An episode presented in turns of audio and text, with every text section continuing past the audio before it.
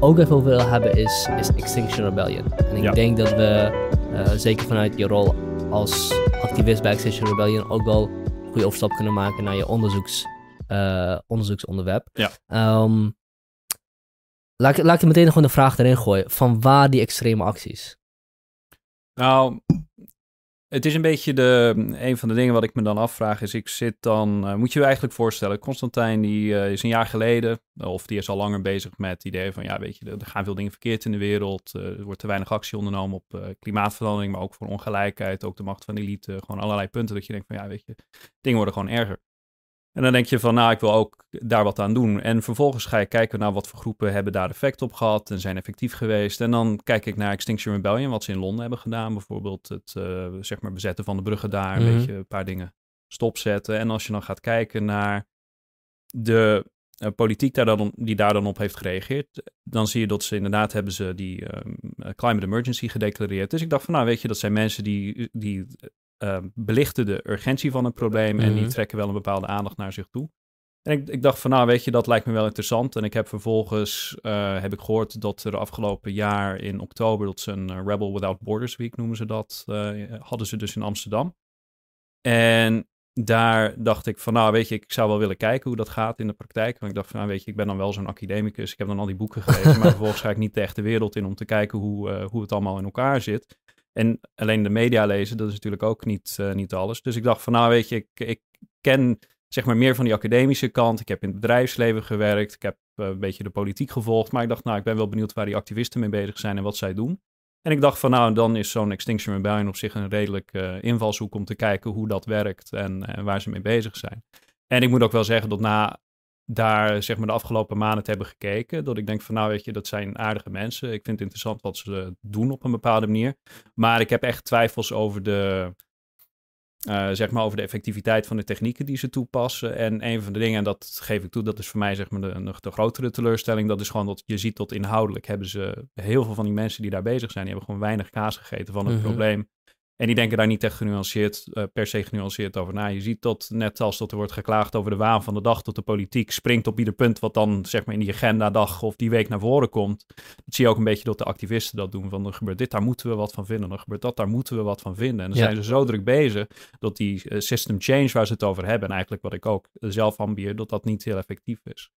En om even terug te komen op jouw vraag over die eh, extreme acties. Voor mij was dus ook een beetje de vraag van, nou weet je, dat heeft dus blijkbaar effect gehad op een bepaalde manier in Engeland, in Londen. Ja, kun je dat- dat effect Ja. beschrijven inderdaad? Wat voor effect heeft het gehad? Nou, dat de regering dan eh, heeft gezegd van we declare a climate emergency. Het heeft dus laten zien dat het, eh, dat het dringend is en je ziet dat er bepaalde stappen worden ondernomen. En de vraag is nou, wat doen mensen daar dan mee? Heeft het daadwerkelijk effect? En dat is, eh, dat is een vraag die niet alleen bij mij, maar die leeft natuurlijk ook bij de mensen binnen Extinction Rebellion zelf. Kijk, ik woon in Maastricht. Maar stel dat de gemeente hier dan beslist, of naar aanleiding van onze druk, of een brief die wij hebben geschreven, of dat wij met duizenden mensen op straat komen, of iets bezetten, of noem maar wat. Uh, stel dat zij declareren, oké, we declare a climate emergency. Dan denk ik prima, maar dan hebben ze vervolgens nog eigenlijk niets gedaan. En de vraag is dan wat voor effect heeft dat? Wat voor vervolg gaat dat geven? En in die zin denk ik dat je binnen Extinction Rebellion, zeg maar, je hebt uh, zeg maar communicatiekanalen op uh, zeg maar lokaal voor Maastricht, nationaal, mm -hmm. maar ook op internationaal niveau. Het zijn een soort van chapters over de hele wereld, toch? Zijn, Juist. Het, het is een de decentraal gestuurde organisatie. Precies, het is ja. decentraal. Dus we zijn hier bezig in Maastricht. We hebben contact met het Nederlandse nationaal en het internationale niveau. Daar komen zeg maar toch wel een beetje handleidingen uit en informatie. Maar het is meer, meer ondersteunend en niet zozeer dirigerend. Dus mm -hmm. je wordt niet vanuit centraal niveau verteld van dit moet je doen. En ze zijn heel erg bezig met draagvlak creëren, consensus bouwen en, en dat soort dingen. En ja, e extreme acties. Een van de dingen wat ik zou zeggen als ik kijk naar wat ze doen, ik zou zeggen, dan denk ik van nou, je kunt ook bijvoorbeeld zeggen dat al die honderden miljoen, miljarden die naar de banken zijn gegaan, mm -hmm. gezien de andere problemen in de maatschappij, dat dat extreme acties zijn, weet je. Um, dus het ligt er een beetje aan hoe je dat uh, als extreem belicht. En dan denk ik bijvoorbeeld het, het stopzetten van een brug of ja, zo. Nou, wat ik inderdaad bedoel met, met extreme actie is ja. dat het, uh, dat, dat infrastructuur, infrastructuur of dagelijks leven gedereguleerd wordt, gedereguleerd wordt ja. door, een, uh, door een actie. Dat bedoel ik met extreem. Ja. Dus wat is, wat is de gedachte daarachter? De gedachte is in principe een beetje... ik kan het niet zeg maar uitleggen namens de hele groep natuurlijk. Maar als ik mijn eigen zeg maar mening erover mag uitleggen, dan denk ik dat het heeft te maken met mensen zijn zeg maar wezens die vanuit bepaalde gewoontes handelen. En wat je ziet natuurlijk vanuit de regering is dat de urgentie van het klimaatprobleem niet altijd wordt benadrukt. Uh, je ziet natuurlijk ook dat het bedrijfsleven daar niet aan meehelpt. Als ik op de, als ik op de televisie kijk, dan zie ik heel veel programma's die daar niet per se op ingaan. Als je gaat kijken naar de, zeg maar, de televisieprogramma's. Uh, je ziet tot in de, zeg maar op dagelijkse basis dat er best wel wat mensen bezig zijn met bijvoorbeeld, nou moet ik nou wel of dit kopen of dat kopen? Hoe zit dat met plastic? Hoe zit dat met milieuafdruk? Hoe zit dat met recycling? Maar dat, heeft, dat wordt dan niet, uh, zeg maar, dat zijpelt dan niet door naar veel aspecten van de cultuur die je dan op televisie ziet. Dus op veel manieren zou je kunnen zeggen dat enerzijds hebben we dat grote probleem wat steeds erger wordt, maar anderzijds zijn er gewoon bepaalde discussies erover die niet worden gehouden. En wij denken ook dat dat, eh, of eh, als ik dan namens de week spreek, dan denk ik dat dat ook heeft te maken met de gewoontes waar mensen in zitten. En het juist uh, het gevoel wat je hebt, of dat, dat, had ik voorheen ook, is dat het niet altijd even duidelijk is hoeveel mensen ook zich zorgen maken over het milieu. Mhm. Of hoeveel mensen het ook echt als een probleem zien. Je, zit, zeg maar, iedereen zit in zijn eigen bubbel, als je dat zo mag noemen of wil noemen. En je vraagt je altijd af, ja, maar wat, wat denkt de gemiddelde Nederlander nou? Of hoe voelen zij, wat voelen zij daarvoor, voor dit probleem? Of ik maak me hier zorgen over, ben ik mhm. de enige? Ben ik gek? Uh, weet je, je gaat die vragen bij jezelf stellen. En als je dan gaat kijken naar, de, uh, naar die momenten, dan zie je dat enerzijds is die groep daar samen met elkaar bezig. Dus die hebben dan het gemeenschappelijke gevoel van, oké, wij erkennen dat het een probleem is. En we willen juist signaleren van, sluit je bij ons aan. Wij, zijn, wij zien ook de ernst van het probleem. Dus als je daar wat aan wil doen, kom daar dan bij. En dan heb je natuurlijk nog de vragen van effectiviteit. Maar ik denk dat dat de eerste, ja. de eerste impuls is. Dat is de eerste impuls van, hey, uh, je wilt ook de gewoontes, je wilt ook de gewoontes doorbreken. Je wilt ook dat mensen echt, eigenlijk, je wilt eigenlijk ook dat mensen last hebben van de normale gewoontes. Want wellicht is het ook die normale gewoontes die culmineren in een in een wereldwijde trend waarin steeds meer CO2 geproduceerd wordt en, uh, en het klimaat uh, gedestabiliseerd wordt. Dus dat kan me ook voorstellen dat je zegt, nou ja, we moeten juist het normale leven dereguleren. Dat is juist, het hele, dat is juist een, van de, een van de problemen. Ja. En als we een systeemverandering willen bereiken, dan is dat ook een verandering van onze gewoontes. Ja, en er is ook zeg maar een grens aan de last die je wilt veroorzaken. Zo zie je bijvoorbeeld dat uh, uh, als er dan een ambulance zou komen of zo en je hebt een wegversperring opgezet, nou dan ga je die ambulance er natuurlijk doorlaten. Of het, het idee is niet zozeer dat we gewoon uh, zeg maar het hele leven van allerlei verschillende mensen zouden verstoren met die acties, maar het gaat er dan meer om dat uh, ja, dat je mensen gewoon een beetje wakker schudt. Als ze dan denken van ja, ik ben een half uur later voor mijn werk, dat dat een grote last is. En, en dan als je dan gaat kijken naar wat er nodig is om uh, zeg maar tot een uh, betere balans te komen, zeg maar tussen de verhouding van onze economie en, en onze zeg maar impact op het milieu en op andere mensen. Dan zie je dat er gewoon op een bepaalde manier uh, ingrijpende maatregelen nodig zijn. En die zijn verstorend. Maar op een bepaalde manier heb je natuurlijk vanuit de logica van onze maatschappij het idee van, nou weet je, weet je business as usual. We moeten zo, zoveel mogelijk voorkomen dat, uh, dat zeg maar de status quo die wij kennen, die stabiliteit die, die zo belangrijk is voor ons, dat, uh, dat mensen daaraan gaan priegelen. Dat willen wij niet. Um, maar degene die dat dan een beetje willen verstoren om, om aandacht te trekken, die denken dan tegelijkertijd van ja, hallo, weet je, je hebt het over het stabiliteit wat je wil waarborgen, maar we, we, we zeg maar, het is een beetje zoals die trein die gewoon op een afgrond afgaat en vervolgens weigert om vaart af te nemen. Dat je denkt van laten we gewoon vooral gesprekken voeren over welke richting we in moeten gaan en niet gewoon pretenderen dat het eh, normale leven gewoon doorgaat zoals dat het altijd heeft gedaan, weet je, een beetje op die mhm, manier. Mhm. dat, dat, is gewoon niet meer waar. Ja, ja. En um, je zegt dat de discussiestromen te, te klein zijn in principe over, over, uh, over klimaatverandering. Ja. Um, en, dat de, en dat de regering te weinig doet, of dat de overheden te weinig doen. Ja.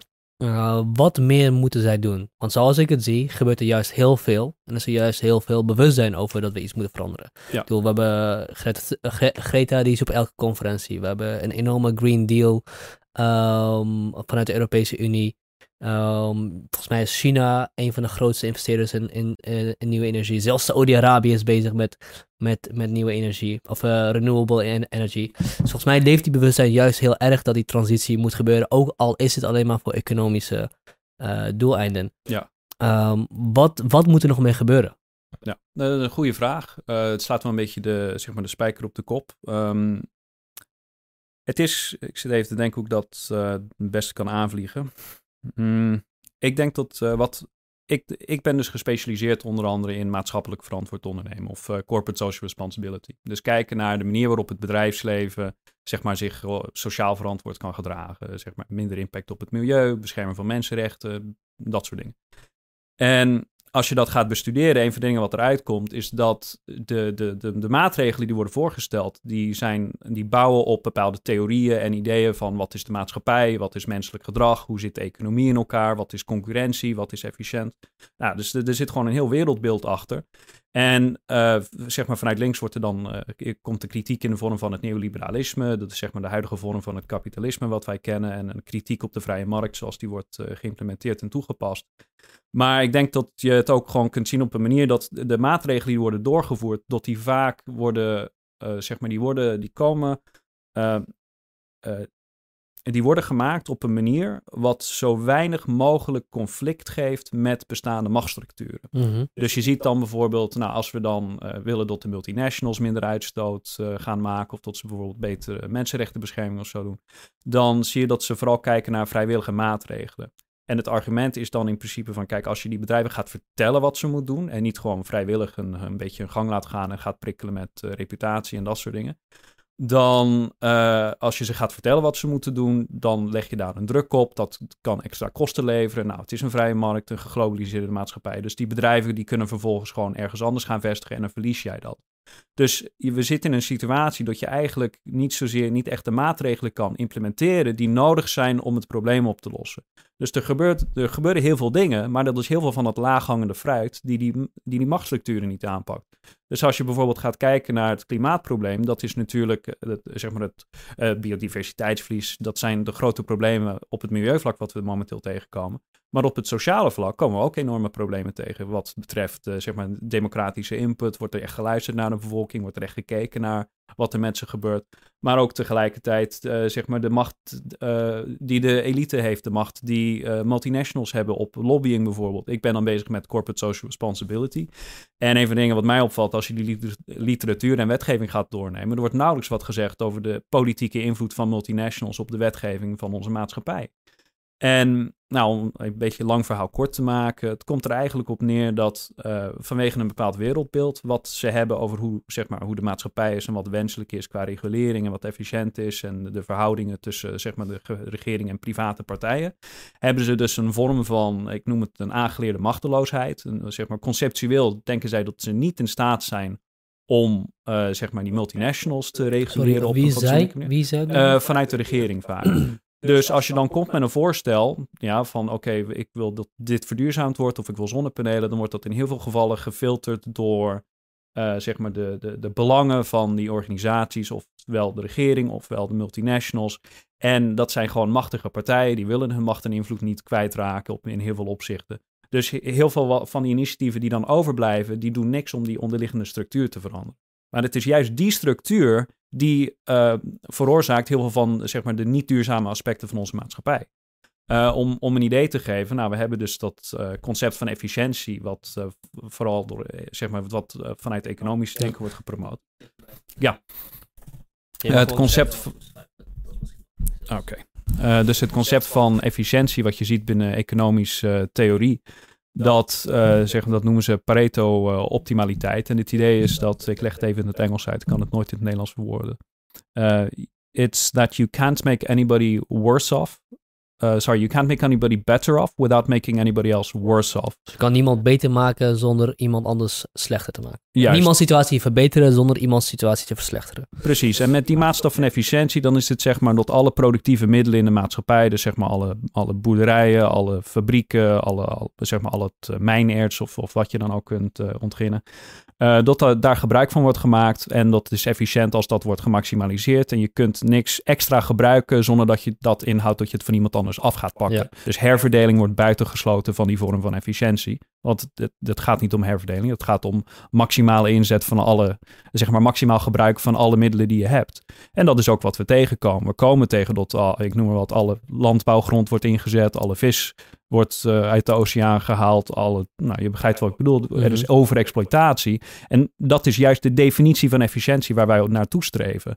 Dus dat zijn zeg maar van die systematische problemen die enerzijds zit het in de logica van onze cultuur en theorie en wetenschap die uh, vaak wordt bedreven. Maar anderzijds heeft dat ook zijn reflectie in de beleidsstructuren en de documenten en de rapporten en de wetgeving die wordt opgesteld. Dus het is zeg maar aan beide kanten een, een, een groot probleem wat je daar tegenkomt. En daar willen ze niks aan doen. Ja, het, eh, het idee van, uh, van een kapitalisme of het idee van een economische structuur die gebouwd is op de mogelijkheid voor oneindige groei. Ja. Die een uh, resource base of een planeet tegenkomt die niet oneindig exploiteerbaar is, um, is denk ik een van de grote problemen waar we tegenaan lopen. Ja. En wellicht is het inderdaad zo dat het economisch systeem moet veranderen om daarmee rekening te houden. Dus het economische, systeem moet op de een of andere manier uh, gaan rekening houden met het feit dat er uh, um, um, niet alles oneindig te exploiteren is. Um, ik besef me opeens of misschien het idee van circulaire economie daar, mm. daar niet eens een oplossing voor is, maar een manier is voor het economische systeem om juist door te blijven gaan zoals het do al doorgegaan is. Uh, omdat je dus uh, resources oneindig kan herbruiken, als je het goed doet tenminste. Ja. Uh, maar zou het dan niet juist een oplossing zijn? Nou, ik, ik denk zelf van niet, want het, het, probleem van zeg maar eindeloze groei, dat is een groot issue wat je tegenkomt. Maar het is niet het enige issue wat, wat je tegenkomt met economisch denken. Um, ik, ik, ik ga even deze, deze kant op en dan kom ik weer terug op jouw vraag. Want wat, wat je ook tegenkomt is, kijk, als je gaat terug, terug in die literatuur gaat van Adam Smith en alles, dan waren ze eigenlijk, zeg maar, Adam Smith, John Locke, een beetje rond die tijd, uh, 300, 400, 400 jaar geleden. Dan waren ze vooral aan het nadenken over, uh, oké, de markt waar dingen dan worden verkocht in, in, in een letterlijke zin. Dus zeg maar inderdaad wat we hier zaterdag op het marktplaats zien, dat dingen daar worden verkocht en, en opgekocht. En ze zaten ook na te denken over de handel tussen landen. Dus je hebt enerzijds het landelijke niveau en anderzijds in de markt het gedrag van die kopers en verkopers. En ze dachten op een bepaalde manier van, nou oké, weet je, we kunnen dat modelleren, we kunnen dat uitleggen en we kunnen kijken van wat dat inhoudt. En ze dachten, nou, dat, die kopers en verkopers, dat zijn allemaal individuen. Die mhm. hebben hun belangen. Wat, wat voor belang is dat? Wat voor gedrag vertonen zij? Nou, ze willen dat, ze willen hun winst maximaliseren. Nou, dat wordt algemeen erkend. Dat is niet een, eh, zeg maar, hele reële propositie, omdat natuurlijk mensen die zijn complexer dan dat, die willen ook meer dan, uh, zeg maar, maximizing profit. Maar wat je vervolgens, en dat zeiden ook mensen destijds, van dit zijn aannames die wij maken om hier een beetje wiskundige modellen van te maken, die ons vervolgens wel wat interessante inzichten geven, maar het is niet per se een reflectie van menselijk gedrag. Dus je hebt zeg maar een situatie waar individuen met elkaar concurreren om geld te verdienen. Dat is hoe zij de markt in de maatschappij om hebben omschreven. Ja, en ook goed even om te, om te benoemen, voordat we, want we gaan nu ook een beetje al jouw, onderzoeksopzet uh, in. Uh, een van jouw kritieken is dat de markt geen natuurlijk gegeven is. Nee, precies. De markt is geen uh, natuurfenomeen. En vanuit deze beredenering ook met, uh, dat is een goed punt, uh, met, met Adam Smith zie je ook dat er een argument is opgestaan van de, de butcher en de baker, um, waarbij eigenlijk werd gezegd in het begin dat um, mensen die leefden zeg maar in, in de state of nature, mensen die waren wild, die gingen niet fatsoenlijk met elkaar om. Maar op een gegeven moment was het zo dat uh, als ik brood ging bakken of, en, en die maakte schoenen en die had vlees, konden wij dat aan elkaar verkopen. En iedereen maximaliseerde hun eigen winst, maar je kon wel een soort balans zien tussen de belangen van die partijen. Dus dan werd gezegd van nou die markt, die interactie zeg maar voor commercieel gewin tussen die partijen, dat werd dan vervolgens gekleurd als de basis van uh, zeg maar civilization. Dus de, de oorsprong van onze geciviliseerde maatschappij zit in de markt. En op basis van dat marktfundament zie je dat daarbovenop sociale en politieke structuren zijn gebouwd. Dat is dus een beetje het argument. Dus de markt is het beginsel en vervolgens bouw je dingen daarbovenop. Dit is inderdaad een heel Lockeaans argument zoals je nu beschrijft, want uh, in in tegenstelling tot Hobbes, waarbij de staat mensen moest beschermen van elkaar de kop in te slaan. Basically what it comes down to. Ja. Uh, was het bij Locke zo dat mensen voor de staat al bepaalde uh, relaties en handel hadden. En de staat alleen ervoor moest zorgen dat dat in goede banen geleid werd. Ja. Dus dit is wat je bedoelt met dat bij Smith en Locke uh, eigenlijk de staat en alle andere structuren bovenop de markt gebouwd zijn. Ja, en we zien dit ook terugkomen in bepaalde termen die nu worden gebruikt. Uh, in het Engels dan hebben ze het over market intervention. Dus als de, als de overheid dan een bepaalde wet wil aanpassen en dat heeft een invloed op de marktsituatie, dan noemen ze dat een market intervention. Maar uh, om even terug te komen, dat, dat hele verhaal, dus het idee dat de markt de fundament is voor de maatschappij, dat, dat, dat, er is gewoon geen wetenschappelijk bewijs voor. Dat is het grote probleem. Het is, mm. een, het is een politieke invulling, uh, zeg maar van drie, vierhonderd jaar terug, die nu nog steeds bepalend is voor de manier dat de markt wordt ingezet in de maatschappij. Kun je, Als, kun je uitleggen wat je bedoelt met een politieke invulling? Nou, als je dan gaat kijken van, vanuit wetenschappelijke basis, nou, het argument is dan, oké, de markt is dus het fundament voor civilized society. Nou, mhm. dat is een beetje het argument. Nou, wat kun je vervolgens doen? En dat hebben, antropologen gedaan. Je kunt kijken naar andere, zeg maar, meer of uh, zeg maar minder of verder ontwikkelde maatschappijen, zeg maar in economische zin. En je kunt kijken wat voor sociale en politieke en maatschappelijke structuren ze hebben opgezet. En daar zou je eigenlijk moeten vinden, als de markt leidend is voor de manier dat de maatschappij is opgezet, dat dat iedere keer zeg maar de kernstructuur vormt van die rijkere, meer ontwikkelde maatschappij. Mhm. Maar er is gewoon geen enkel bewijs voor, dat hebben ze niet gevonden. Sterker nog, wat ze laten zien is dat als je gaat kijken naar de markt, de maatschappij zoals wij die kennen, dat het mogelijk is om uh, bijvoorbeeld uh, arbeid en land en informatie en heel veel andere dingen te kopen en te verkopen, dat dat niet een natuurlijke toestand is. Dat is zeg maar iets wat in het leven is geroepen door sociale en politieke structuren. Ja. Zo zie je dat bijvoorbeeld een kadaster, waar alle, alle land in staat geregistreerd, maakt het mogelijk om te zeggen: dit land is van mij. En vervolgens zijn er regels over die zeggen dat je dat kunt verkopen en kopen. Er zijn ook tijden geweest dat het niet kon, dat het niet mocht. De arbeid dat het niet werd gekocht en uh, verkocht op dezelfde manier. Uh, zonder patentrecht heb je geen manier om zeg maar uh, informatie te commodificeren zodat je het kan verkopen en kopen. Dus heel veel van die aspecten van een marktmaatschappij die wij nu kennen, die zijn niet van nature handelbaar. Eh, terwijl een appel of een peer of een appeltaart of zo, dat, dat zijn wel van nature handelbare producten. Ik mhm. geef jou wat en jij geeft mij wat terug. Maar ik kan jou bijvoorbeeld in totale afwezigheid van sociale politieke structuren, misschien even ervan uitgaand uh, dat er geen geweld is, maar ik kan jou niet vertellen van, oh weet je, die buurman van mij, die mag jij hebben voor, uh, voor, voor drie kilo aardappelen. Nee, dat gaat natuurlijk niet, want die persoon die moet daarmee instemmen of er moet iets boven hangen wat dat, zeg maar, die zin of die, dat contract kan doorduwen. Of ik moet ze dwingen. Of, of je moet ze inderdaad met geweld dwingen maar, dwingen, maar dan is het niet een contract echt. Snap je wat ik bedoel? Ja, oké, dan is het geen verkoop meer. Ja, goed. Nou, ja, vertel verder. Sorry, vertel verder. Sorry, ik... Uh... Nee, dat, dat is... Uh, dus dan heb je die situatie dat uh, enerzijds um, heb je dus die markt. En daar wordt dus over gesproken alsof dat het fundament is van de maatschappij.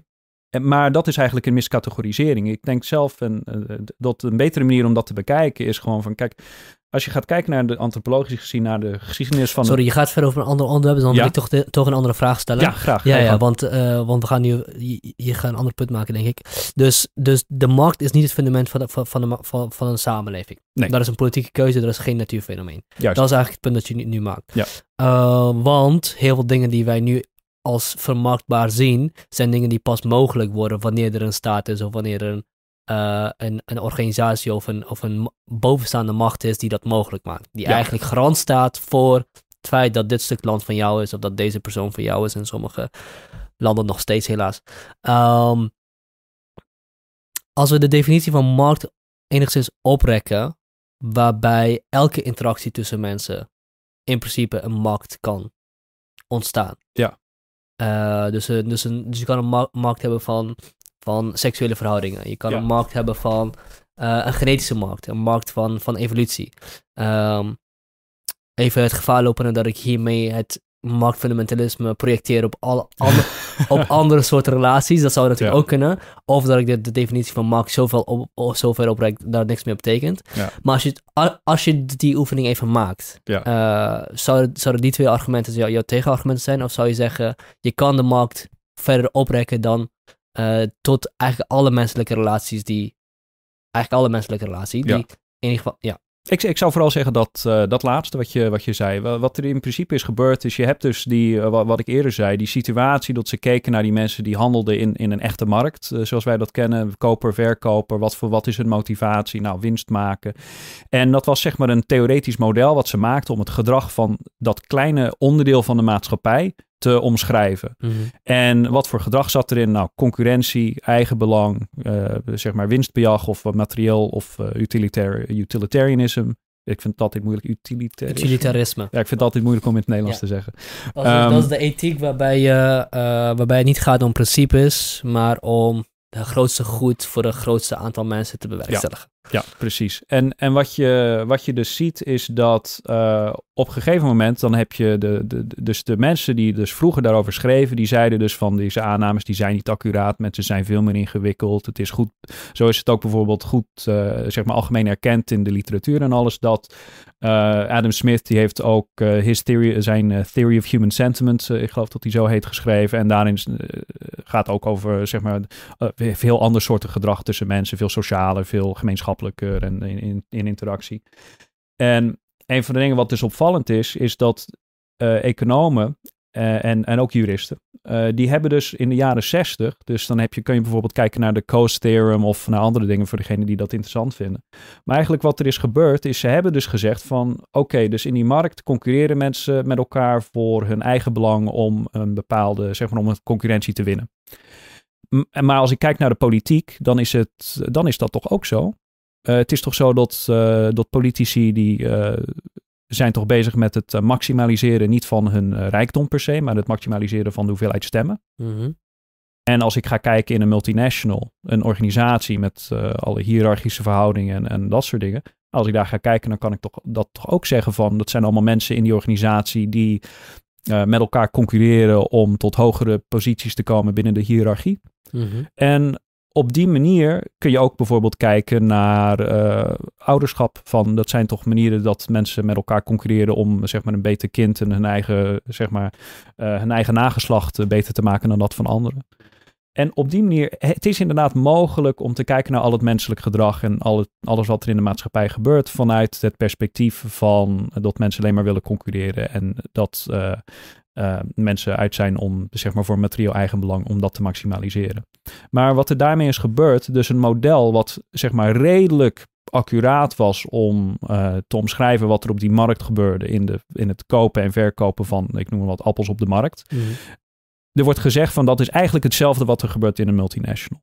Maar in die multinational of in een organisatie, of wat betreft het stemgedrag van, eh, van, van, van stemmers, ehm, dat zijn wezenlijk andere situaties. Want je hebt in een organisatie heb je te maken met hiërarchie, je hebt te maken met bureaucratie. Het is niet een kwestie van louter kopen en verkopen. Dus die, die transactie die je ziet in de markt, als je in een organisatie werkt, je weet, je bent niet de hele dag transactioneel bezig met anderen. Mhm. En op die manier zie je dat wat er is gebeurd is, het is een model wat in een bepaalde sfeer zijn relevantie heeft om dingen te vereenvoudigen, zodat we daar gewoon werk van kunnen maken, dat we daar gewoon dingen uit kunnen herleiden die eventueel interessant zijn. Ervan uit accepteren dat het gewoon een abstractie is. Hè? Het is Mhm. niet de werkelijkheid, maar gewoon een uitleg die wij verzinnen. Mhm. Maar dat is steeds verder geabstraheerd van, van dat verband om eigenlijk alles in de maatschappij te kunnen uitleggen. En wat ik denk ook dat wel interessant is, als je nou gaat kijken naar de macht van eh, de mensen die heel veel geld hebben, of, eh, of het nou banken zijn of multinationals of gewoon de rijke elite, of hoe je dat wil noemen. Als je gaat kijken naar de, de, de logica van de markt, ja, vanuit eh, de, het principe van de markt is dat iedere euro geeft jou een stem. Ja, Mhm. en democratie is iedere persoon die heeft een stem. Mhm. Dus in een, als je het volgens marktprincipes op gaat zetten, zie je dat degene met meer macht, meer geld, meer invloed, die hebben gewoon veel meer stemmen dan de rest. Dus het probleem dat als je buiten die marktsfeer ook gaat en de politiek gaat bekijken op die manier en je gaat vervolgens ook de organisatie bekijken en tal andere dingen in de maatschappij, gewoon vanuit het perspectief van dat het een markt is, louter vanwege het feit dat mensen daar met elkaar concurreren. Daarmee ben je gewoon losgedreven van die onderliggende kern. En nou, het argument is natuurlijk dat het dan eh, reductionistisch is geworden. Het maakt een oversimplificatie van de onderliggende werkelijkheid. En ja, op een, op een bepaalde manier zie je dat. de- en en dit, dit is gewoon, zeg maar, dit is law in economics. Dit, wordt lesge, dit krijgen mensen op de universiteit mee. eh, hier, hierin wordt lesgegeven. Het beleid van bijvoorbeeld de Europese Commissie is hierop gebaseerd op dit soort ideeën en principes. Maar het is op een bepaalde manier gewoon een karikatuur van de maatschappij waar wij in leven. Maar ze, hebben heel die geschiedenis niet meer door. Maar het is gewoon zeg maar een soort aangeleerde werkelijkheid. Net zoals mensen vroeger riepen, weet je, van de koning is gewoon een, vertegenwoordiger van God op aarde. Dus wat hij zegt, dat is gewoon heilig. Nou, een beetje op die manier van, let's, laten we vooral niet te veel vragen stellen. Nou, op die manier is deze manier van kijken op de maatschappij heel erg ingebed geworden in, in regeringspartijen, in multinationals, maar ook in NGO's en heel veel andere plekken. Het is eigenlijk gewoon het, standaard uh, culturele beeld wat je meekrijgt terwijl je opgroeit. Ja, dus wat je eigenlijk zegt is dat het marktdenk, of marktfundamentalisme is het, is het, is het, is, is het dominerende wereldbeeld binnen beleidsmakers, binnen economische uh, uh, richtingen, binnen, uh, binnen, wet, binnen bij juristen. Ook. Ook. Ja. Um, er zijn natuurlijk altijd uitzonderingen, maar dit is gewoon even het algemene ja. beeldschets. Ja, en het probleem met het marktfundamentalisme is dat het een karikatuur is van menselijke relaties in principe. Menselijke gemeenschappen. Uh, het, heeft, het heeft effect, of het, heeft, uh, het, het, maakt zin, het is zinvol op een specifieke plek, op, in een specifieke context, maar niet in de abstractieniveau waarop het nu gebruikt wordt om eigenlijk alles, uh, al, alles mee te, mee te gebruiken. Ja. Ik wil daar graag nog één voorbeeld ja? op bouwen. Ik denk dan altijd, kijk naar het voorbeeld van de relatie tussen een, nou ik ben dan een man, dus vader en kind. Ja? Nou, wat is mijn verhouding tot mijn kind toe? Uh, hou ik van dat kind en wil ik gewoon dat het opgroeit met, met liefde en dan vervolgens zijn eigen pad gaat uh, maken? Of is het gewoon zo van nee, jij bent, ik ben dan Constantijn van Aartsen, jij bent een van Aartsen, jij bent mijn nageslacht, je hebt mijn, uh, zeg maar, mijn legacy en dat, mm. ik wil dat je dat gaat, weet je, dat je dat in eer gaat en in stand gaat houden. Nou, dus het nageslacht is dan belangrijk.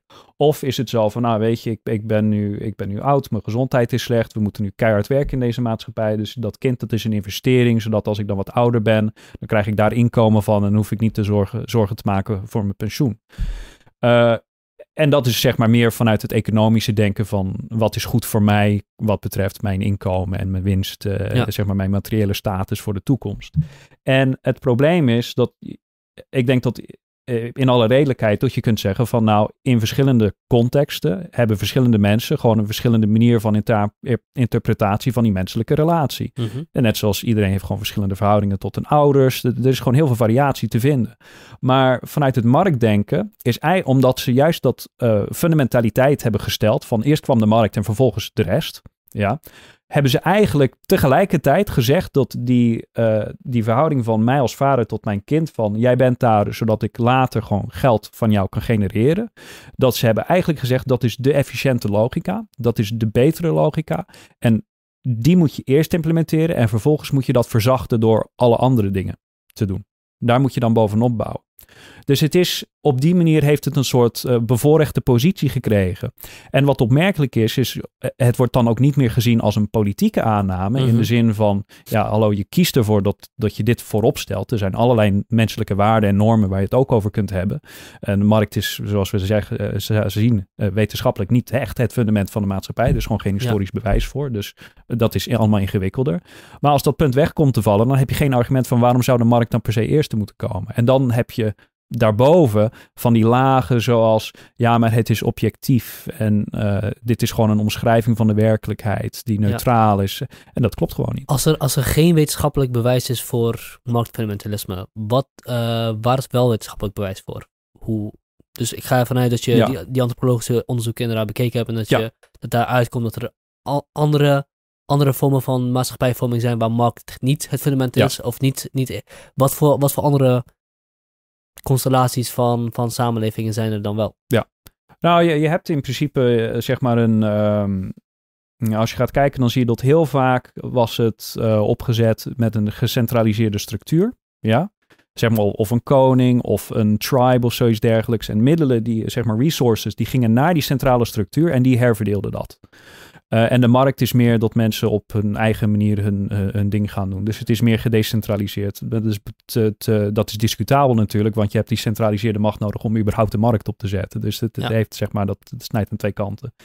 Um, en die structuur van zeg maar herverdeling, er zijn heel veel variaties van geweest. Maar het is juist vanuit dat soort structuren dat je vervolgens een markt op kan zetten.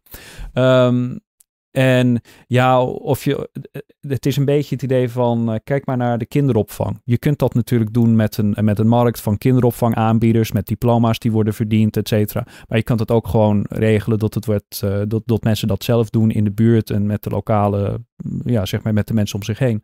Uh, dat is gewoon een andere manier van omgang. Dat kun je ook faciliteren, dat kun je ook Mhm. opzetten. Dus het is niet zozeer dat ik wil zeggen van, nou weet je, er zijn drie alternatieven of zo, maar gewoon als je je creatief vermogen gebruikt, zijn o- ontelbaar veel alternatieven, laat ik het zo zeggen. En ik denk dat de, het probleem van een markt, en ik, ik moet ook altijd vooropstellen, ik ben niet anti-markt, maar ik ben wel zeg maar anti het klakkeloos toepassen van de markt op alles. Dat, Mhm. Daar ben ik dan weer niet voor.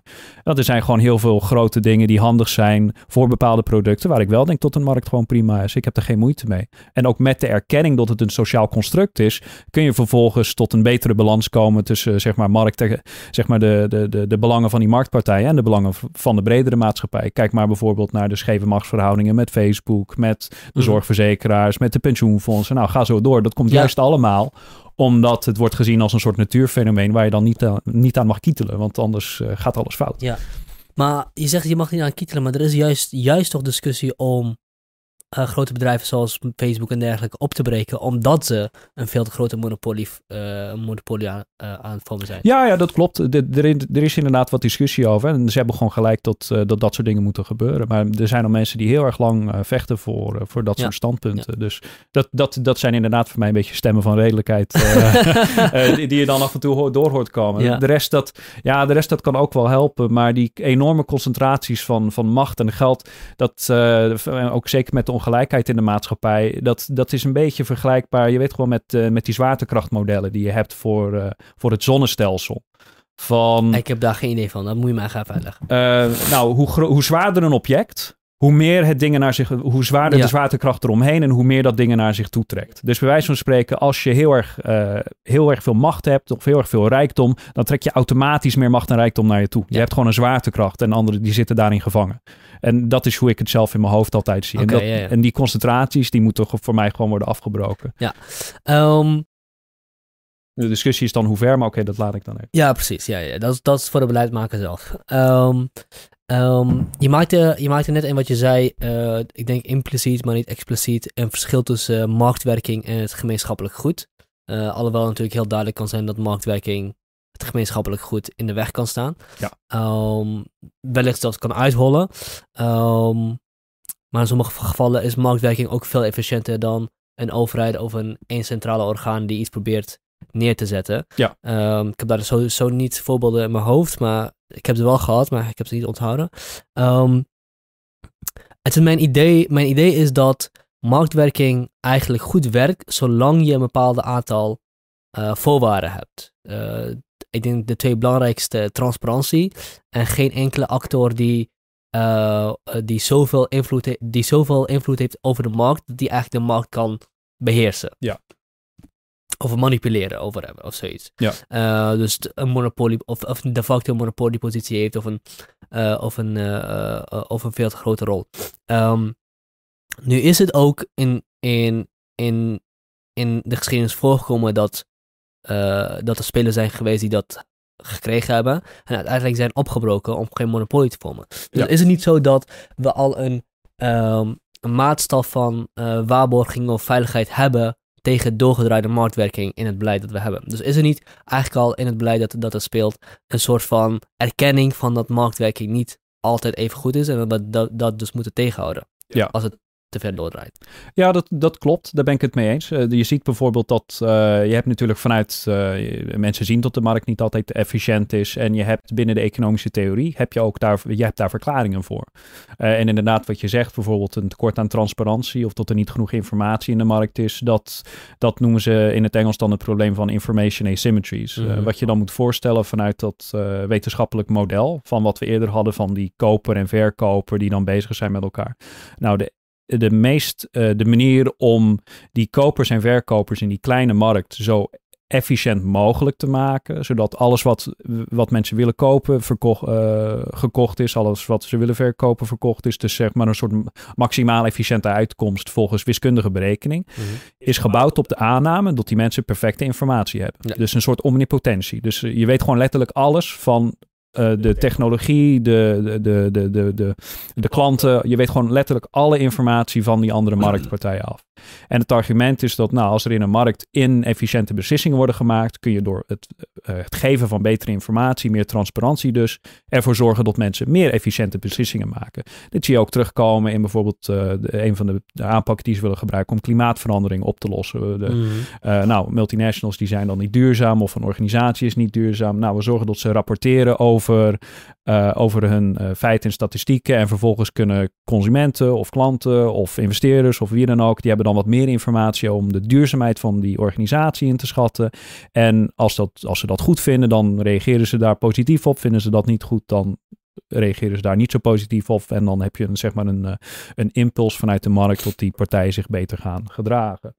Maar dat heeft volgens mij dat, dat die neiging naar de, uh, omnipotentie, om die, die, al, die, die alleskennis, dat is volgens mij niet heel erg reëel. Maar ik, ik ben niet zeg maar louter kritisch over het uh, geven van informatie.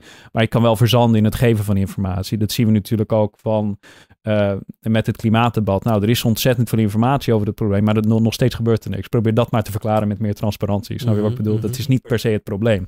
Maar als je denkt van, nou, market failure, de markt faalt, dat heeft te maken met informatie, dan ga je dat daarop zeggen.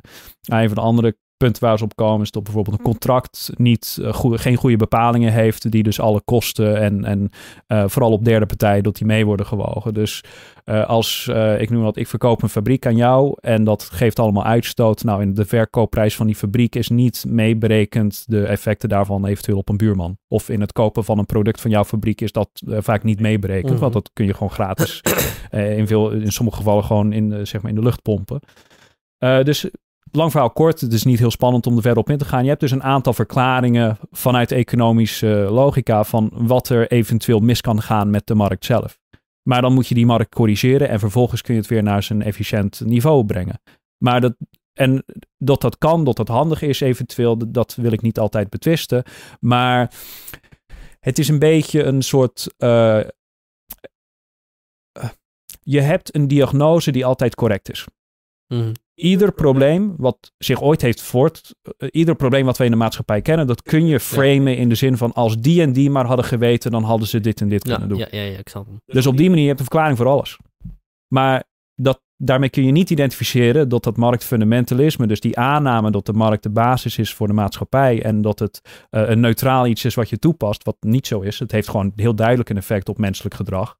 Uh, er is een van de grote voorbeelden, dat zou jij waarschijnlijk wel kennen, dat heeft te maken met die, uh, het, was, het was in Israël dat ze dit hebben gedaan en het was een, een, voorbeeld van, van kinderopvang. Mm -hmm. Dus ze hadden op een gegeven moment ouders, de, die brengen hun kinderen naar school.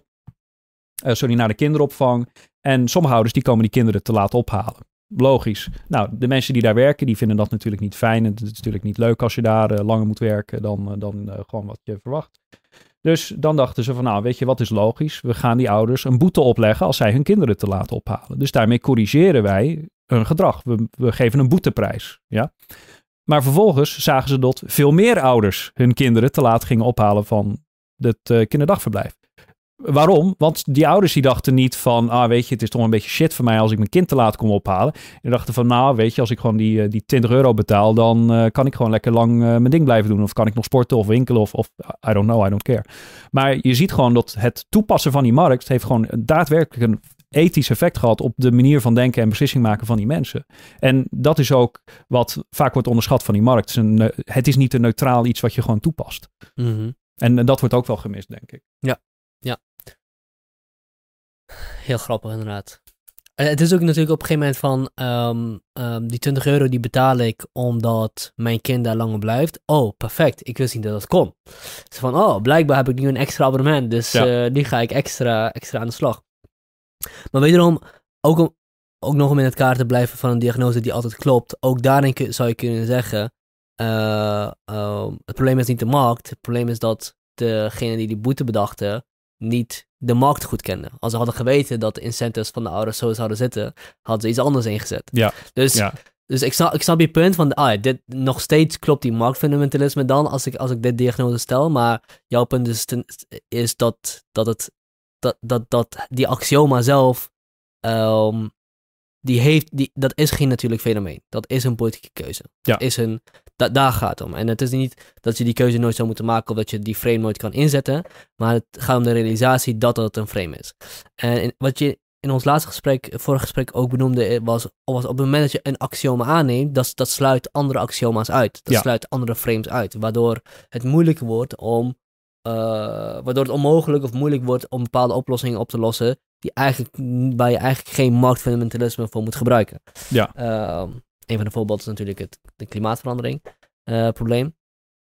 Waarbij, ehm, alhoewel ik geloof dat we daar nu enigszins op terug aan het komen zijn, Um, alhoewel, maar het is nog steeds wel heel sterk. Waarbij het idee bestaat, zolang wij de juiste consumentenkeuzes maken als burgers, zal, zal die individuele acties uh, genoeg zijn om te ervoor te zorgen dat geen onduurzame producten meer geproduceerd worden. Ja.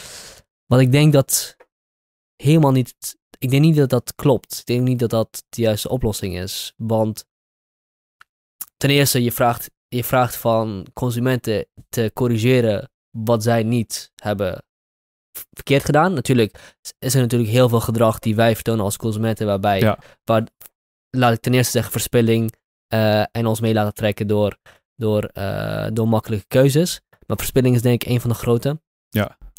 Um, maar er kan ook een situatie ontstaan, en ik weet niet of je hem kent, Brad Weinstein, uh, een, een, bioloog, had hier een heel interessante discussie over de, mhm. paradox van, de paradox van goede keuzes maken. Mm, ik ken het niet, maar wellicht uh, ben ik, ik het ergens tegen. Ja, ik weet niet precies hoe, hoe het heet, maar wat hij eigenlijk schetst is dat er een situatie kan ontstaan waarbij, je, waarbij iedereen goede keuzes maakt. Mm. Uh, goede keuzes maakt, uh, duurzame keuzes maakt, maar waarbij duurzaamheid nog altijd niet verbeterd wordt. Omdat wanneer je in een situatie zit wanneer dat coöperatie A zich, zich slechte keuzes permitteert en coöperatie B niet, dat coöperatie A op die manier altijd een voordeel kan eh, eh, bevestigen. En slechte keuzes permitteren betekent ook intransparant zijn of uh, oneerlijk zijn over de duurzaamheid van, van je producten. Zoals we zien met greenwashing en dergelijke natuurlijk. Ja, um, ja want probeer jij nou met een, ik noem wat, als je, als je kleding wil uh, produceren op een totale duurzame, ethische wijze, iedereen fatsoenlijk betalen, allemaal netjes doet. En dan ga je vervolgens uh, concurreren met mensen die slavernij gebruiken, dan kom je niet heel ver. Dat, dat, die, gewoon die prijsverschillen in een maatschappij waar toch veel mensen het niet al heel ruim hebben, dan ja, dat is echt wel een ding. Ja, alhoewel er, er wel een verschuiving is. Dus de, de, dat is het punt wat ik wilde maken. Er is wel door de grotere aandacht voor, uh, uh, voor klimaatverandering, zijn mensen wel minder vlees gaan eten. Zijn mensen wel uh, bewuster omgaan met kleding. Ze worden dus natuurlijk wel veel meer, bijvoorbeeld nu clothing swaps en dergelijke. Ja. En kleding is nu heel, ehm, heel populair. Ja. Alhoewel het nog steeds een kleine groep mensen is. En het andere probleem is, ook al zijn wij minder vlees gaan eten, over de wereld heen zijn nog steeds meer mensen vlees gaan eten. Ja. Dus ook al doen wij alles eraan hier om, de, om het waterniveau te, uh, zo laag mogelijk te houden. Het heeft geen zin als China, als China toch blijft, uh, blijft vlees eten. Ja. Want, want, het waterniveau gaat hier dan ook omhoog. Ja. Um, dus dat is denk ik één duidelijk voorbeeld waarbij, waarbij markt denken je er niet uitgaat. Of in, ieder geval het idee van individuele consumenten die de juiste keuzes maken. Ja. En dat je dat kan uh, incentivizen door middel van transparantie en, en, incentives. Dat, dat, nou, dat, dat, dat, idee wat jij ook omschrijft, van het, zeg maar dat je als consument dat je beslissingen kan maken en dat dat een effect heeft op die algemene markt. gedeeltelijk, de, ik, ik, ik koop ook, zeg maar, niet alles, maar ik koop ook biologische producten. Ik doe er ook aan mee, ook al vertrouw ik niet altijd de certificering en er zijn allemaal vraagtekens. Dat, dat is gewoon zo.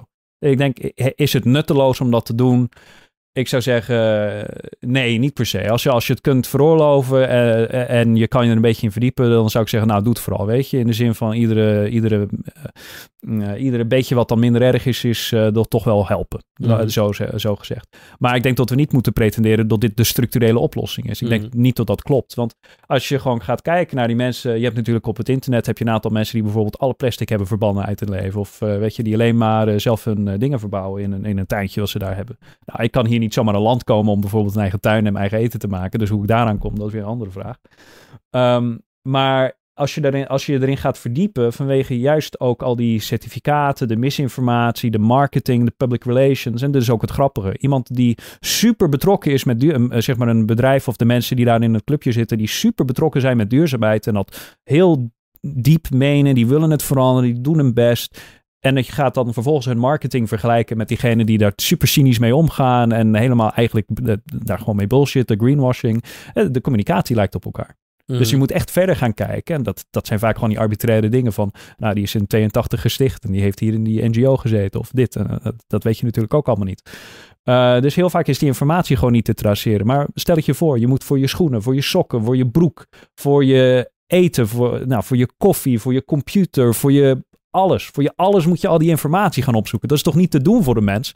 Maar ja, als de, de maatstaf waar dan van wordt uitgegaan binnen de markt is omnipotentie. Dus je moet alles weten, dan kan je een goede beslissing maken. maar dat is toch niet reëel. Maar daar moeten we komen. Meer transparantie, meer efficiëntie. en dus dan zie je dat er telkens zo'n zo'n laagje oplossingen bovenop wordt. Maar het, het doet dan niks. Um, ik ben het wel met je eens dat, eh, dat je ziet inderdaad dat er wel bepaalde wentelingen zijn in de maatschappij. Dat mensen meer vegetarisch gaan eten. Dat er bepaalde ontwikkelingen zijn die mooi zijn. Um, dus ik ben niet zeg maar louter negatief erover. Ik zie zeker wel dat er dingen gebeuren. Maar wat je bijvoorbeeld ook moet afvragen is, kijk, dan haak ik even weer terug in het voorbeeld van die kinderdagverblijf. Je hebt twee maatschappijen naast elkaar. Ja? In die ene maatschappij uh, zie je dat de kinderopvang wordt geregeld tussen buren of in de gemeenschap. Het is niet een geldding. Het is gewoon, wij zorgen voor elkaar met vrijwilligers en wij letten op dat het hier netjes gebeurt. En het kan zo zijn dat er iets verkeerd gaat. Dat kan altijd. Hetzelfde, ook al heb je een markt met certificaten en opleiding, het kan altijd zo zijn dat er iets verkeerd gaat. Dus dat neem je in beide situaties niet weg. Maar in die tweede situatie, dat er een opleiding is, dat er certificaten, dat je een erkende instelling moet zijn om dan vervolgens kinderen te kunnen verzorgen of zo. Uh, dan is er een markt gecreëerd. Je kunt marketing doen, je kunt promotie, je kunt geld verdienen aan deze zaak. Er zijn opleidingen, weet je. Dus in de, ene, in de tweede situatie heb je iets wat gekocht en verkocht kan worden om winst te maximaliseren. Dat heb je in die eerste situatie niet. Dus vanuit die, als je kijkt naar die tweede situatie, is dat vanuit een bedrijfsoogpunt dat je denkt van, nou, fantastisch. Dat is nu een mogelijkheid om geld te maken. Dat is een vorm van innovatie natuurlijk. Mm. Om alles onder de markt te gooien en dat vervolgens innovatie te noemen.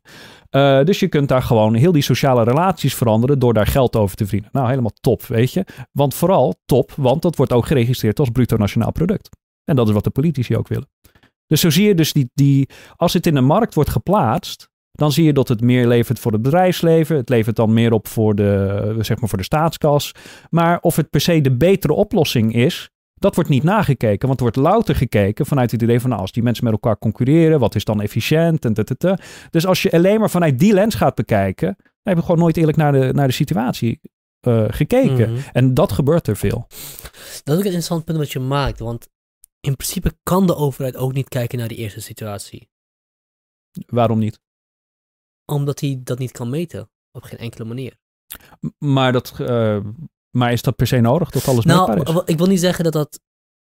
Nou, het is niet nodig in die zin dat het niet nodig is voor hmm. het welzijn van de mensen. Ja. Maar het is wel nodig in die zin dat de overheid moet weten wat er gebeurt. Om wat voor reden ook. Ja. En op het moment dat inderdaad situatie B uh, je registraties geeft, je feedback geeft, oh, hier snap je wat er gebeurt, dan kun je, dan kun je zeggen, ah, dit, dit is goed, maar hier, ja, dit is, dit is iets dat moeten mensen maar zelf gaan uitzoeken of over hebben. Ik, ik, weet het niet. Um, maar wat ik me even realiseer is dat de, uh, dat, dat, dat de overheid in principe dan eigenlijk ook alleen maar marktwerken kan beoordelen of dat goed is of niet.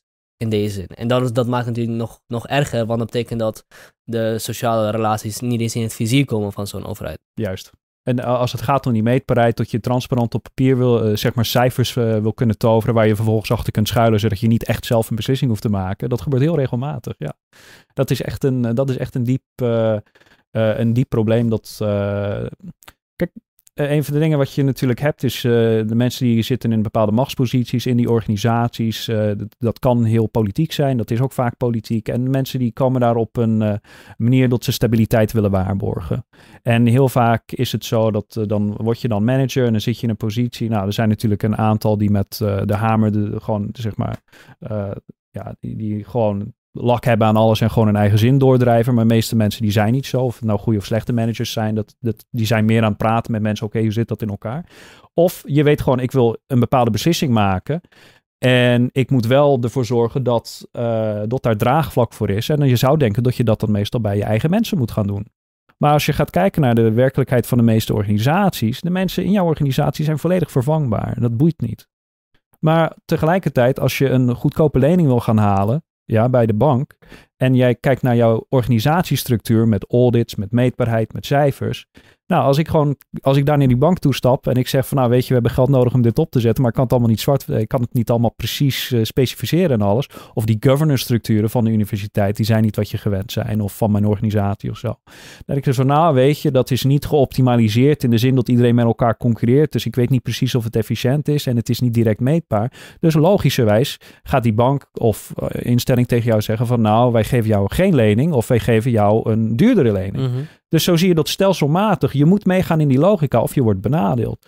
Hetzelfde ook met, uh, met reputatie. Ik heb, uh, ik heb dan bijvoorbeeld uh, als promovendi-vertegenwoordiger op de universiteit heb ik dingen meegemaakt. Dan zie ik dat. Um, dan zie je dat er in, intern dat, dat er dingen gebeuren die, die twijfelachtig zijn. Er wordt dan niet per se op gereageerd. of die misschien zelfs zeer erg zijn, waar er niet echt op wordt gereageerd. Maar dan komt er iemand op Facebook of op uh, Instagram of op Twitter of zo. En dat staat daar. En dat is dan permanent, weet je. Dan maakt het echt uit. Dus iemand wat, iets wat iemand daar op het internet gooit. Dat is op een bepaalde manier gewoon belangrijker geworden. Dan echt praten en kijken met de mensen die in die organisatie zitten. Uh, er zijn um, bepaalde hele rare verhoudingen ontstaan. Waardoor die mensen die dan aan de top van zo'n organisatie zitten en macht hebben. Het is een beetje alsof je bovenop een dikke olifant zit die ze toch zijn eigen ding gaat doen. Dus het idee dat die mensen zoveel macht en kunnen hebben, dat, daar twijfel ik ook aan. Volgens mij sommigen wel, maar dat zijn dan van die grote namen die je kent. Van, weet je, Elon Musk en Steve Jobs en zo. Die hebben volgens mij meer, uh, meer charisma en effect om hun organisatie om een zin door te duwen. Maar de meeste managers die hebben dat helemaal niet. Die zijn redelijk machteloos. Maar vervolgens hebben ze wel in die organisatie alle macht om de beslissingen te maken. Ja, maar ze zijn machteloos in principe tegenover de logica van de markt. Dat is wat je bedoelt. In veel gevallen wel, ja. Ja, ja, ja. Dus in principe moeten zij de, de, de, de, de taal van de markt, markt spreken om inderdaad een lening te krijgen, om maar ik zou, te innoveren. Ik zou het hier even breder trekken, want het is niet alleen de macht van de markt, maar ook die, die auditcultuur en de logica van alles meetbaar maken. Hè. Dat, dat, is, dat ligt dicht tegen de markt aan, maar dat, is, dat kun je er wel van scheiden en ook een beetje apart bekijken. Dus dat heeft ook zijn eigen logica. Ja. Dat de waarheid alleen in cijfers zit. Uh, dus bijvoorbeeld, uh, uh, nou, ik, dat, dat, is het, uh, dat, dat, is dat bekende voorbeeld van uh, scholen, weet je. Je kunt, niet, je kunt niet tegen een kind zeggen, jij bent een drie en jij bent een zeven. Dat betekent gewoon helemaal niks. Ja. die cijfers, dat... Ja. Maar goed, de mensen die hebben daar dan weer andere mening over, dat snap ik wel. Ja. en je onderzoek gaat ook over hoe dit doorwerkt in de manier waarop we kijken tegen coöperaties aan. Uh, dat, is een, dat is een belangrijk, dat, dat is eigenlijk het hele punt van je onderzoek. Dus we hebben eigenlijk nu eigenlijk alleen maar uh, groundwork gelegd voor, ja. voor, voor, wat je, voor, voor waar het op gaat. En wat je daarin ziet is, uh, wat je daarin beschrijft, als ik het goed samenvat, is dat corporate governance, corporate social responsibility en corporate law ja. niet goed met elkaar overeenstemmen. en dat er niet uitkomt, wat je, dat, er niet, dat er niet het juiste gedrag uitkomt dat je zou verwachten dat het eruit mm. Vanwege deze onder, onderliggende markt, marktfundamentalisme. Mm. Ja, ik denk, dat, ik denk dat er wel overeenstemming is tussen die vakken, juist in het wereldbeeld wat we ook eerder omschetsten, wat we eerder hebben omschreven. Um, als je dan gaat kijken naar ja, ik zit even te denken, oké, okay, ik, zal het zo uitleggen. Um, nou, jij bent dus een uh, beleidsmedewerker of een jurist of je zit in de, regering ergens en je denkt van, nou weet je, we moeten die wetgeving aanpassen. Of je zit in een multinational in, in eigen governance structuren te spelen, dat kan ook. Um, en je denkt van, nou weet je, we moeten die, die wetgeving of interne regel veranderen voor, op die en die manier. Nou, als jij met zo'n voorstel komt, of je dat nou weet of niet, zitten daar onderliggend bepaalde aannames over in. Uh, eh, over bijvoorbeeld wat is de organisatie? Zeg maar, wat is een multinational? Uh, je kunt een organisatie op verschillende manieren bekijken. Is het uh, zeg maar een organisme wat wil leven en gedijen en zeg maar winst nodig heeft, dat, net zoals dat wij eten nodig hebben?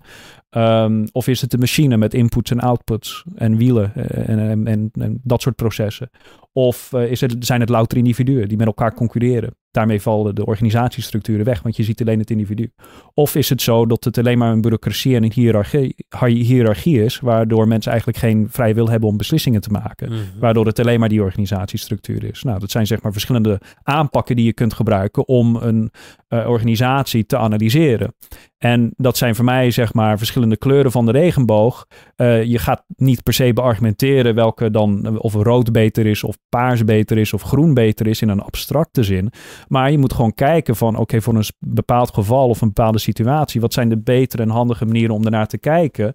Ervan uit erkennend dat iedere aanpak die jij pakt gewoon een klein onderdeel van het probleem gaat belichten.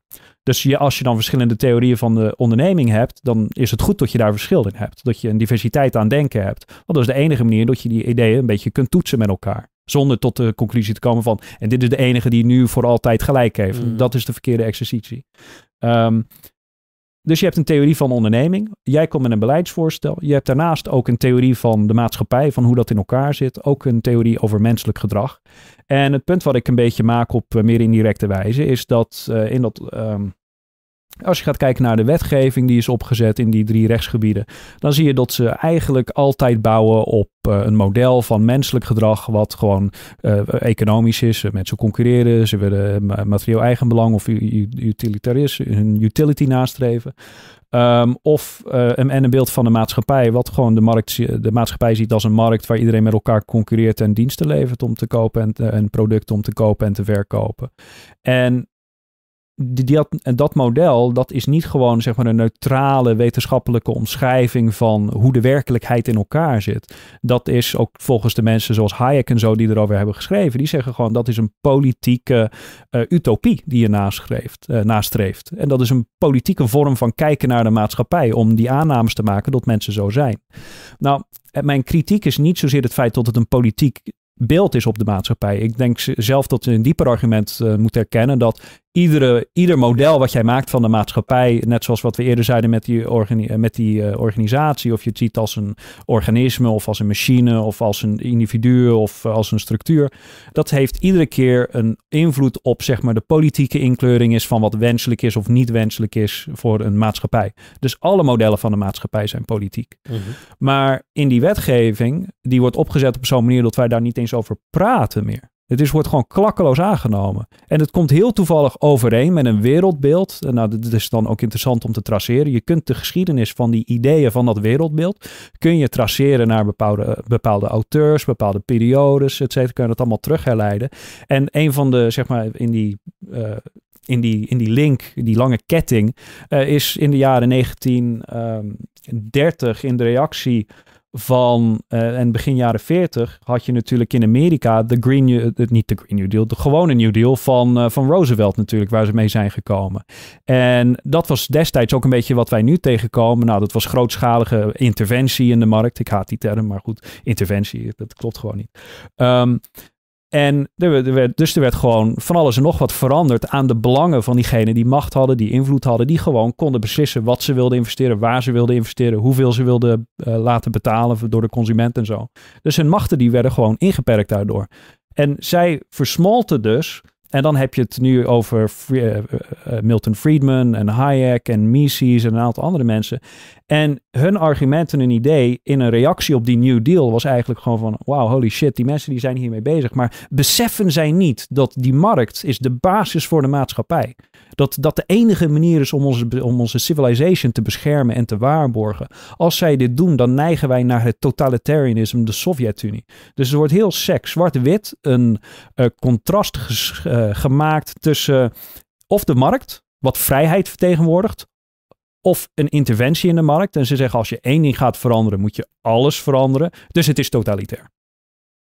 Dus het is net zoals wat je ziet in, het, in, in geloofskwesties, heaven or hell. De mm. markt is heaven, alles anders is hell.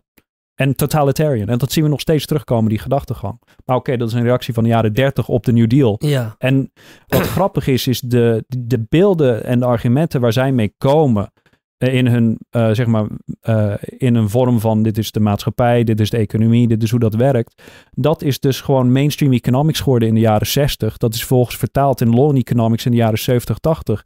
Dus we hebben gewoon een manier van wetenschap wat heel duidelijk de, de, het, het perspectief en het beeld en het, de ervaring en de zorgen van de, ja, je kunt het zo zeggen, van degene die in de jaren 30 benadeeld werden door de New Deal. Wij zitten in hun economie te spelen. En wat is het resultaat? Nou, kijk maar om je heen, de stijgende ongelijkheid. Het is geen wonder in zo'n systeem dat de rijken steeds rijker worden en de rest niet. Mhm. Het is gewoon, het is letterlijk, het is geen fout, het is het ontwerp van het systeem. Nou, kun je uitleggen, kun je uitleggen waarom, hoe dat, hoe dat, kun je dat systeem uitleggen die ervoor zorgt dat de rijkeren rijker worden en de armeren armer? Want in mijn, in, in mijn beeld is het zo dat, ehm, wat je zelf ook net zei, was hoe, hoe meer je hebt, hoe meer je naar je toe trekt. Dus volgens mij is het in elk systeem zo dat de rijkeren rijker worden. Alleen sommige systemen zijn beter in ervoor te zorgen dat, Ja.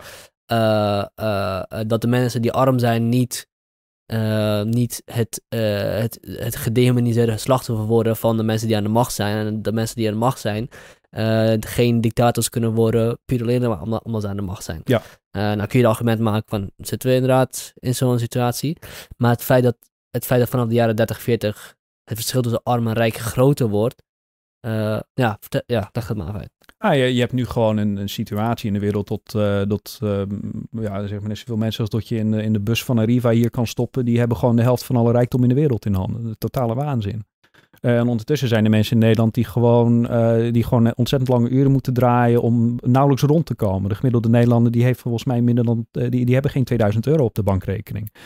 Eh, en als je dan gaat kijken naar, natuurlijk naar de internationale ongelijkheid en armoede, dan natuurlijk echt schrijnend wat er in andere landen gebeurt. Eh, laat staan in Nederland, want hier is het natuurlijk ook aan het verslechteren op, in veel opzichten. En wat, eh, wat mij dan opvalt is, kijk, om, di- om dit gesprek te nuanceren moet je het eerst hebben over egalitarianism of gelijkheid. Wat bedoelen we daarmee? Wat streven we na? En, dan zou ik zeggen, van, kijk, als eerste, empirisch is het moeilijk te staven. In de zin van, kijk om je heen. Iedereen die je ziet is anders. Die heeft andere middelen, andere talenten, andere achtergrond, andere culturen, et cetera, et cetera. Dus je kunt het gelijkheidsbeginsel niet empirisch bewijzen. Het is iets wat eigenlijk, als je de geschiedenis daarvan doortrekt, dan kom je terug bij het, het christendom. In de zin van iedereen heeft een ziel en iedereen maakt beslissingen.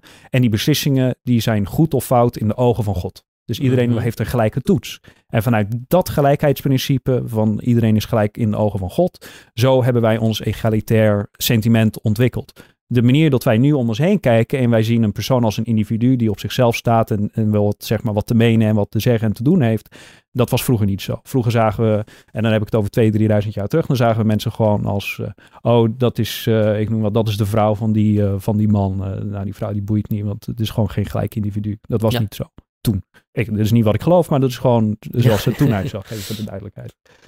Dus er is niemand die zal zeggen dat de werkelijkheid gelijk is. Dus je kan die, die werkelijkheid ook niet helemaal gelijk trekken. En zo denk ik bijvoorbeeld, nou, ik vind het bijvoorbeeld wel acceptabel dat niet iedereen een kunstenaar is of moet worden. Dus eh, je wil natuurlijk, oh, of muziek, je wil natuurlijk tot de betere muzikanten door eh, opkomen. Of de betere kunstenaars opkomen. Dat is logisch, daar moet je ruimte voor creëren. En het helpt niet door te zeggen dat het maakt niet uit wat je produceert, het is allemaal net zo goed. Dat is gewoon niet waar. Dat is gewoon een soort delusie, dat helpt niet. Ehm, dus daar kun je zeggen van, nou, ik vind het niet per se dat iedere kunstenaar of ieder stuk kunst als gelijk moet worden beoordeeld. Maar anderzijds, als het gaat om dingen bijvoorbeeld, nou, recht op eh, een opleiding, dan denk ik van, nou, het moet natuurlijk wel zo zijn dat iedereen van iedere achtergrond, dat vind ik zelf dan, is een persoonlijk standpunt, dat iedereen daar recht op heeft. Mhm. Het moet niet zo zijn dat als ik zoveel rijker ben, dat ik gewoon per se naar de betere school kan en iedereen die niet zo rijk is, gewoon naar de slechte school gaat. Of niet. Dat vind ik niet eerlijk. Dus je moet gewoon kiezen van waar pas je dat egalitair principe wel toe of niet toe. Maar empirisch kun je het niet, eh, daar kun je geen werk van maken. Dat, dit zijn gewoon andere. Je kunt natuurlijk wel volgens kijken wat zijn de effecten daarvan en dat empirisch beoordelen. Maar ik denk het originele argument, dat kun je niet echt empirisch eh, staven van. Ja. Eh, en ook, je kunt niet zorgen dat de maatschappij helemaal gelijk wordt. Nou ben ik even weg, want eh, ik, ik wilde dat terugbrengen naar jou. Nou, het punt wat je volgens mij probeerde te maken was dat, dat, dat als je in, in de wereld kijkt, dan zie je dat niet iedereen dezelfde vaardigheden of, of potentie heeft. Eh, dus dat kun je niet empirisch bewijzen, maar het is wel een, een eh, Oh, ja. streven dat je zou willen Ja. doen. En mijn vraag, waar, waar, waar, wat je aan het beantwoorden was, mijn vraag was meer in de zin van, ehm, misschien kan ik hem ook even uit, uitweiden. Graag. Ehm, want je zegt vanaf de jaren 30, 40 eh, is het ongelijkheid eigenlijk alleen maar groter geworden. Eh, vooral in economisch opzicht. Eh, nee, niet van, de, niet van de jaren 30, 40 zou ik zeggen. Va- Wat je vanaf, ziet, dacht ik dat je zei. Nee. Nee, okay. nee dat, dat is zeg maar waar die theorieën vandaan zijn gekomen. Mhm. Maar die theorieën die waren zeg maar nog niet, die hadden nog niet eh, die waren niet geïmplementeerd in beleid. Dat kwam later pas met eh, Reagan en Thatcher, en met Chile. En nou, er zit een hele geschiedenis achter. Maar dat, dat was pas aan het einde van de jaren 70 tot dat werd doorgevoerd. En dat is ook wanneer we zien die escalatie in ongelijkheid. Daarvoor had je andere ontwikkelen, ontwikkelingen. En ook, als ik eerlijk ben, een ander soort kapitalistisch systeem. Toen had het veel meer te maken met de balans tussen arbeid en kapitaal. En dat mhm. balans is gewoon totaal weggegeven aan het kapitaal van de jaren, aan eind jaren 70, zeg maar. Ja, want volgens mij de jaar, vanaf de jaren 70 worden worden banken ook veel minder gereguleerd. En kunnen mensen, of kunnen bankiers veel makkelijker handelen in financiële, eigenlijk loutere financiële uh, uh, middelen. Waardoor, waar de, waarbij de beurs inderdaad een veel grotere overhand krijgt over de economie dan voorheen het geval was. Ja. Dus ja. Uh, het verhandelen van financiële middelen wordt opeens veel belangrijker dan het maken en verkopen van producten. Uh, eens. Toch? Dat, is wat, dat is iets. Ja, dat is uh, zeg maar een ontwikkeling, dat noemen ze de, de financialization of de financialisering uh, van, van die ontwikkeling. Het heeft ook te maken met deregulering natuurlijk. Heel veel van die financiële producten die ze dan zijn gaan maken en verkopen. Een aantal daarvan die zijn niet kwalijk, maar omdat ze het echt hebben gedereguleerd, dan mocht de markt beslissen van wat wel of niet goed is. Nou, met alle, alle effecten van die. En het argument daarbij was uh, het idee van trickle-down economics. Als de hoogste machten inderdaad, uh, of de, de rijkste inderdaad rijker worden, dan zal dat weer, zullen de spoils trickle down to the, to the lower masses. En wellicht klopt dat inderdaad in een kapitalistisch systeem waarbij er vooral veel geproduceerd wordt. Dus inderdaad een grotere winst of grotere omzet betekent dat je meer mensen nodig hebt. Dus inderdaad meer Mm. meer vraag naar arbeid, waardoor de, de, de prijs van arbeid inderdaad stijgt, of de kosten van arbeid. In ieder geval, mensen krijgen, zullen, zouden dan meer moeten, betaald moeten krijgen. Dus dat is een idee van trickle-down economics. Maar wanneer je met eigenlijk digitale of financiële middelen werkt, kun je met dezelfde personen of 1000 euro om te draaien, of een miljoen, of 10 miljoen, of 100 miljoen. Want het zijn computer digitale dingen die je aan het verhandelen bent. Ja. Is dat een argument die je, die zou maken? Is dat maar het, doet, het doet me vooral denken aan een, aan een ander punt wat misschien wel interessant is. Uh, ook over de economische theorie, hoe dat is ontwikkeld en wat voor uh, problemen dat heeft. Dat is, uh, ik, ik had het eerder over dat het eerst, zeg maar, werd, het was zeg maar een model wat werd gemaakt om de, de, de handelingen in een markt te omschrijven. Dus een redelijk beperkte setting. En vervolgens is dat helemaal uitgedijd om van alles en nog wat uit te leggen. Ja. Een van de argument, die eh, een van de ontwikkelingen wat je ook tegenkomt, is. Uh, dit, dit heeft ook zijn relatie tot utilitarianism en alles gehad. En in principe worden er op een gegeven moment vragen gesteld van oké, maar hoe weten we nou wat een, uh, wat een goede markt is? Dus mensen zijn dus mensen gaan interviewen van wat is een appel jou waard? Of wat is een peer jou waard? En dan zijn ze heel veel verschillende mensen gaan interviewen. Uh, of, of, een, of een auto, of een, weet je, gewoon, wat is dit jou waard? En wat komen ze dan, uh, hun conclusie, dit was volgens mij vooral uh, Perito, die dit in de jaren 1930 in Italië heeft gedaan. Corrigeer me graag als het niet klopt. Um, maar die is tot de conclusie gekomen van de, de, de, de preferences, de voorkeuren van iemand die heel veel geld heeft. is totaal niet te vergelijken met iemand die heel weinig geld heeft. Uh, ik noem wat eh, de, de hoeveelheid die die voor bijvoorbeeld een uh, pearl necklace of zo wil uitgeven. Of, of, een, of, een, of een appel voor een rijke. Nou, dat is natuurlijk dat, dat, gewoon vanwege de, de behoeftes van die mensen. Die staan zo ver van elkaar af dat hun preferences, gewoon hun, wat ze voor dingen willen betalen, dat het gewoon niet te vergelijken is. Ja. Dus op vervolg hebben de economen een stap teruggezet en die zeggen wij gaan niet over menselijke voorkeuren voor het ene product of het andere product. Wij gaan mensen niet vertellen van die appel, dat is gezond. Die sigaret, dat is niet gezond. Want wij zijn niet in staat om jouw preferences te beoordelen op een neutrale manier. Dat is altijd een waarde in opgave. Dit is dus waar economisch denken hun objectiviteit aan uh, ontleent. Van dit punt. Van wij kijken niet naar wat mensen willen kopen of niet kopen. En daar zijn ze wel objectief in op een bepaalde manier. Met, oké, maar andere politieke implicaties. Het is een vorm van objectiviteit, laat ik het zo zeggen. De reden dat dit interessant is, is dat uh, ze zijn tegelijkertijd ook minder goed gaan nadenken over de inhoud van een specifieke markt. En wat bedoel ik daarmee? Over wat houdt het product zelf in? Uh, Een appel is natuurlijk niet hetzelfde als, een, als zeg maar een werknemer die ik koop in de markt. Is niet hetzelfde als een fossiele brandstof, als olie.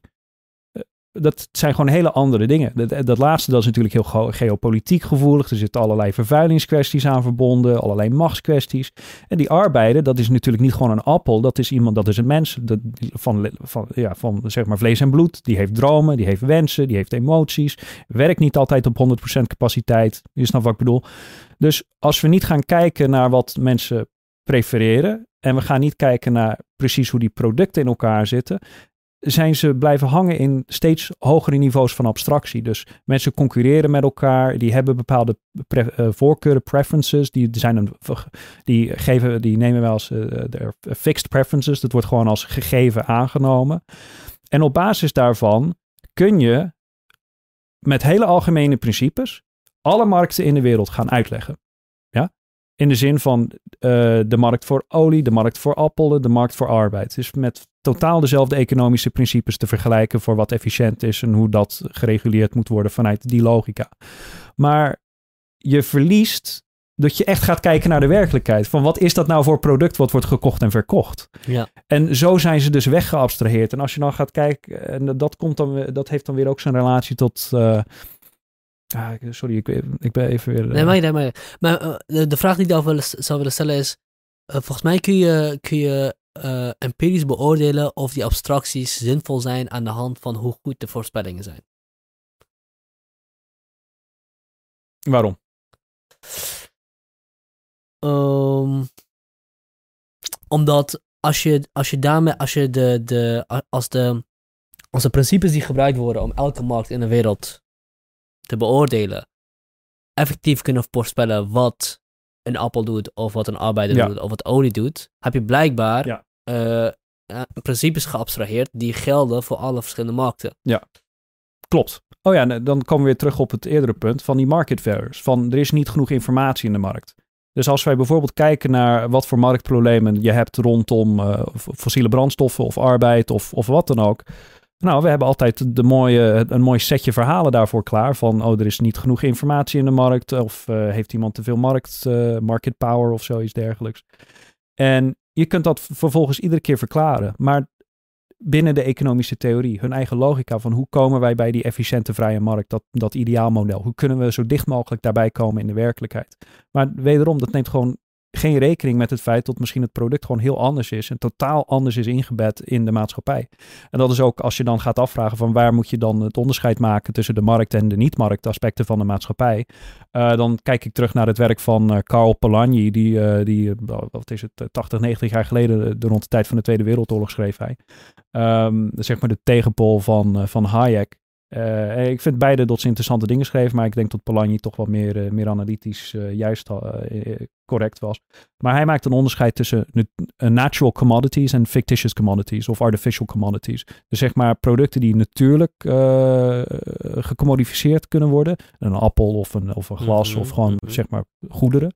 en dingen waar een, die artificieel zijn en vervolgens vermarkt kunnen worden. En hij heeft het dan over arbeid en, en an, arbeid en geld. En ik zou ook informatie toevoegen met patentrecht en mhm. alles. En ik zou ook tegenwoordig een onderscheid maken op basis van uh, milieu-impact en dat soort dingen. Want ik noem wat, uh, dat je dat meeweegt in de analyse. Dat je dat ook kunt zien als een vorm van onderscheid wat je kunt maken voor die verschillende producten.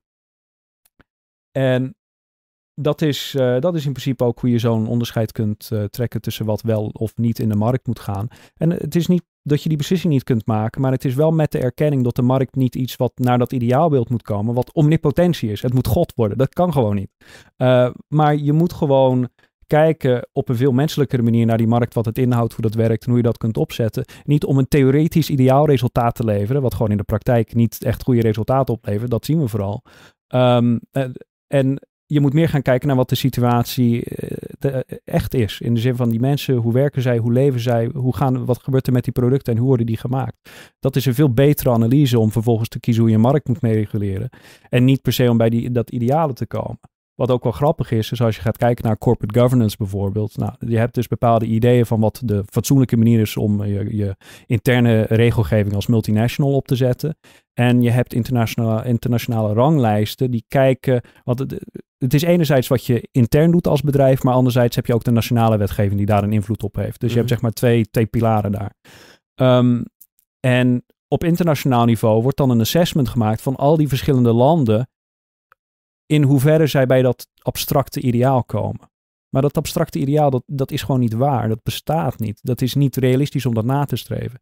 In die zin is het een vorm van valse utopie. Want de enige manier dat je die, die utopische markt kunt bereiken, ja, is dat mensen alleen maar het gedrag gaan vertonen wat nodig is om die markt te bereiken. Dus dat voorbeeld wat ik eerder gaf van vader met kind, ja, dat er allerlei verschillende manieren zijn om je tot je kind te verhouden. Nou, al die andere mogelijkheden moeten weg, want die zijn niet efficiënt. Alleen dat laatste is efficiënt. Zo moeten wij naar elkaar gedragen. Dus je, je, je vraagt eigenlijk om die efficiënte markt te behalen, ja, vraag je eigenlijk dat we onze mensheid opgeven. Dat is totale waanzin. Dat is waarom we steeds harder werken, waarom mensen steeds ongelukkiger worden in hun werk. Je voelt je ook Hmm. niet als mens behandeld in je werk. Dat, de, de markt is onmenselijk. Het is een, een middel wat we kunnen inzetten om zeg maar, de structuur van de maatschappij in te richten. Maar het is onmenselijk. Het heeft een onmenselijkheid waar we niet genoeg voor waken.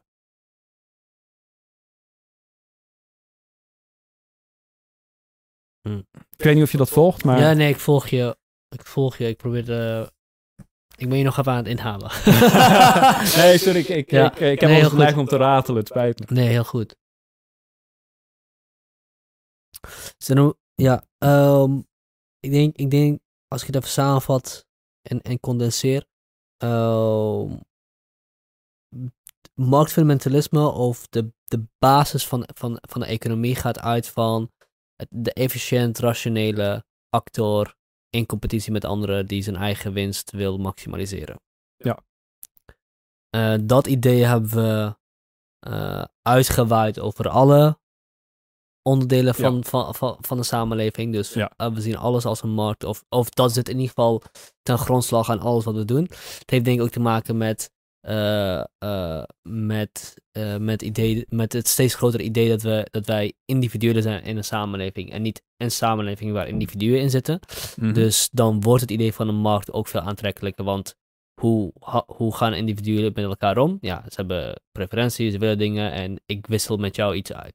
Dat is, de, dat is dan de- ook de- het logische gevolg daarvan. Het proble- het probleem daarvan is alleen dat dus de markt zelf of de manier waarop naar mensen gekeken wordt geen menselijke manier is. Dus het is een gedehumaniseerde mens die puur rationeel is. Maar zo zitten mensen niet in elkaar. Ja. En, Nou, zo zit een deel van de mensen in elkaar. Of eh, zeg maar, iedereen heeft dit als aspect van Ja. hun gedrag. Ja. Maar je moet niet doen alsof dat het enige is wat ons, eh, onze leidraad is. Ja, dat, dus- dat is niet eerlijk. Dus het geeft ons een, een, eh, een ehm, geen vermengd, maar een gedeeltelijk beeld van de menselijke ervaring. Ik zou zeggen een karikatuur. In karikatuur. Ja.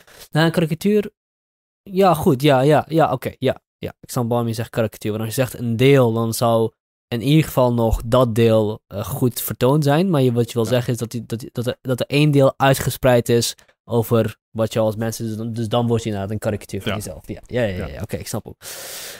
Ehm, dat is de reden waarom we steeds meer gaan, zijn gaan werken. Die, die, die, die, die verbinding probeer ik nog te maken. Is dat inderdaad de, is dat inderdaad de reden waarom we... Dus wat, wat, wat, wat, wat, wat gek is, is dat we eh, steeds meer welvaart hebben Ja. in totaal. Eh, ehm, ik, volgens mij is ook individueel het wel, welvaart grotendeels de afgelopen honderd jaar gestegen. Alhoewel het nu Ja. volgens mij twijfelachtig is, ondanks de groter wordende gelijkheid, ongelijkheid. Maar we wel steeds harder zijn gaan werken. Alhoewel ik eh, dat ook wel even wil genuanceren. Want in Nederland werkt bijna iedereen, of werken heel veel mensen vier dagen in de week. eh, in plaats van vijf dagen in de week. Ja. Dus dat, daar is iets, ook iets interessants veranderd. Ja. Maar feit blijft dat ook eh, de overheid nu volgens mij daar enigszins probleem mee heeft en, en wil incentivizen dat we toch die vijf dagen in de week gaan werken. Dus het idee bestaat dat we vijf dagen in de week, het grootste deel Want van... dan kunnen wij mee concurreren op internationaal niveau. Want Ja. het is alleen maar een concurrentie. Hè? Maar dat, zo Ja. zie je ook, dus ook op internationale relaties is dat toegepast als model. Je moet concurreren. Ehm, dus, dus, dus het het idee dat, dat, dat we als we hard werken we dan rustiger aan kunnen doen, dat heeft zich niet bewezen. Dat, ik denk dat we dat, dat kunnen zeggen. Dat, dat, dat hebben we niet gedaan. We hebben enorm veel innovatie ge- eh, gecreëerd, we hebben enorm veel welvaart gecreëerd, maar toch zijn we harder en harder gaan werken. Productiviteit is, om, is omhoog gegaan en toch zijn we harder gaan werken. Ja. I- Het, het is ook gewoon totaal niet nodig dat mensen zo hard werken als wat wij nu doen. We kunnen echt een fantastische welvaart genieten zonder zo'n absurd ingerichte maatschappij waar mensen zo hard werken en zo niet duurzaam bezig zijn. Dat is gewoon de, dat is gewoon de verrassing. Ja, vertel, verder. Nou, als je gaat kijken naar de. Je gaat terug naar de jaren zeg maar 1910, 1920 Verenigde Staten. Daar had je de opkomst van uh, massaproductie. Dus zeg maar van die fabriekslijnen waar gewoon een schroefje werd ingedraaid. En die, die waren nou, natuurlijk wel redelijk. Uh, niet per se. nou, dat lag erg aan de wetgever, sorry, aan de werkgever. Destijds had je sommigen die wel veel sympathieker naar de medewerkers omgingen dan anderen. Dus er zaten verschillen dus dat, daar wil ik het even niet over hebben. vaak waren fabrieken gewoon niet een leuke plek om te werken. Dat zijn ze ook nooit echt geweest. Nee, voor, de, voor de duidelijkheid. Maar goed, soms proberen ze daar wat van te maken. Dat moet je ook niet negeren. um, maar wat wel zo is, het was een enorme winst qua productiviteit. Ja, dus je ziet gewoon dat die schaalvergroting van wat het mogelijk is om te maken met uh, standardized components, met die fabriekslijnen en alles, mass production, geweldig. Maar beeld je in, je bent dus een, uh, een producent en je maakt koelkasten. En jij weet gewoon, nou, in die stad waar ik woon, er zitten duizend uh, families. Dus ik kan maximaal duizend koelkasten verkopen. Maar ik ben nu zo waanzinnig productief geworden dat ik met een goedkope prijs binnen drie maanden duizend koelkasten kan produceren. Nou, je weet hoe dat werkt. Als ik iedereen in dat dorp van een koelkast voorzie. En die koelkasten die zijn gewoon helemaal top. Die gaan 15, 20 jaar mee. Want ik heb ze ook gewoon echt heel goed ontworpen. Um, dan kan ik gewoon na die drie maanden dat ik alles heb verkocht, dan ga ik misschien een tijdje verteren op dat geld wat is verdiend en verdeeld onder mijn medewerkers. Maar dan houdt het gewoon op, dan mag ik de deuren sluiten. Dan is het gewoon voorbij, want ik kan niet twintig jaar wachten totdat ze nieuwe kopen. Dus dat maakte men die massaproductiviteit. Ze zeiden van, nou weet je, we zijn zo productief geworden, dat moeten we eigenlijk aan banden leggen, want anders kunnen we onze bedrijven niet in stand houden. Dus ook die logica van die, die belangen van toen, die hebben ervoor gezorgd dat je bijvoorbeeld dingen zoals fashionable consumption hebt en planned obsolescence. Dat gewoon uh, producten die worden zo goedkoop mogelijk gemaakt op een manier die minder waardig is, zodat ze snel worden weggegooid, zodat mensen meer gaan kopen. En dat levert, en dat wordt natuurlijk bekeken ja, op niet per se snel, niet, niet per se sneller, maar op de, de juiste tijd weggegooid worden. Dat mensen het niet vervelend vinden. Maar ja, precies, precies. Op die manier. Dus dit, wordt natuurlijk heel wetenschappelijk bekeken, psychologisch, allemaal onderzocht met marketing. En dus inderdaad wat je zegt op die manier. Maar je, je ziet gewoon dat het balans is van uiteindelijk wat ervoor zorgt voor de continuïteit en gecontinueerde groei en uh, voortbestaan van dat bedrijf. En eerlijk is eerlijk, het, is, het gaat nu om groei. Uh, je moet groeien, anders ben je de facto niet succesvol in de huidige maatschappij. En dat is ook een perverse logica van het kapitalisme wat wij kennen. Uh, dat heeft met die infinite growth problematiek te maken. Maar op een gegeven moment hebben zij dus gedacht van oké, we, we, maken minderwaardige uh, er moeten minderwaardige producten komen of die, die fouten hebben. Nou, kijk maar naar Apple bijvoorbeeld, die inbed dat, uh, uh, dat hun, hun, telefoons, dat de software dan op een gegeven mhm. moment te veel druk erop zet en dan dat ze gewoon minder goed werken. Je hebt ook heel veel voorbeelden van nou, Philips met de gloeilampen en de kartels van toen. Er bestaan trouwens nog heel veel kartels die weinig worden of onvoldoende worden geschept. er is wel actie op, maar oké, dat gebeurt veel te weinig. Um, maar je, je, je komt gewoon tot een bepaalde conclusie. En dit heeft ook te maken met de aard van onze maatschappij. Dat als er een nieuwe technologie komt, ja. Stel dat ik, heb, pak ik weer even dat voorbeeld van die, van die maatschappij waar we dan in die fabriek zitten met die koelkasten. Stel ik heb eerst 50 mensen die voor mij in dienst zijn om die koelkasten te maken. Maar met die massaproductielijn, dan hoef ik er misschien maar 20 in dienst te houden. Mhm. Nou, dan ontsla ik er gewoon 30. En de winst die dan binnenkomt door het toepassen van die nieuwe technologie, is dan grotendeels, uh, dat komt dan toe aan de eigenaar van die fabriek. Dus het is geen herverdeling. Tenzij je dat weer gaat belasten en op een fatsoenlijke manier gaat doen. Maar ja, de, de, de werkelijkheid met stijgende ongelijkheid vertelt ons gewoon dat is niet, dat gebeurt niet fatsoenlijk. Dus de, zeg maar de, de, de toepassing van die technologie, heel vaak worden de winsten, die gaan of naar de consument die een goedkope prijs heeft. Dat is natuurlijk het uh, stokpaardje waar we het altijd over hebben. En laten we het vooral niet te veel hebben over die enorme winsten. Uh, want dat, dat is minder populair.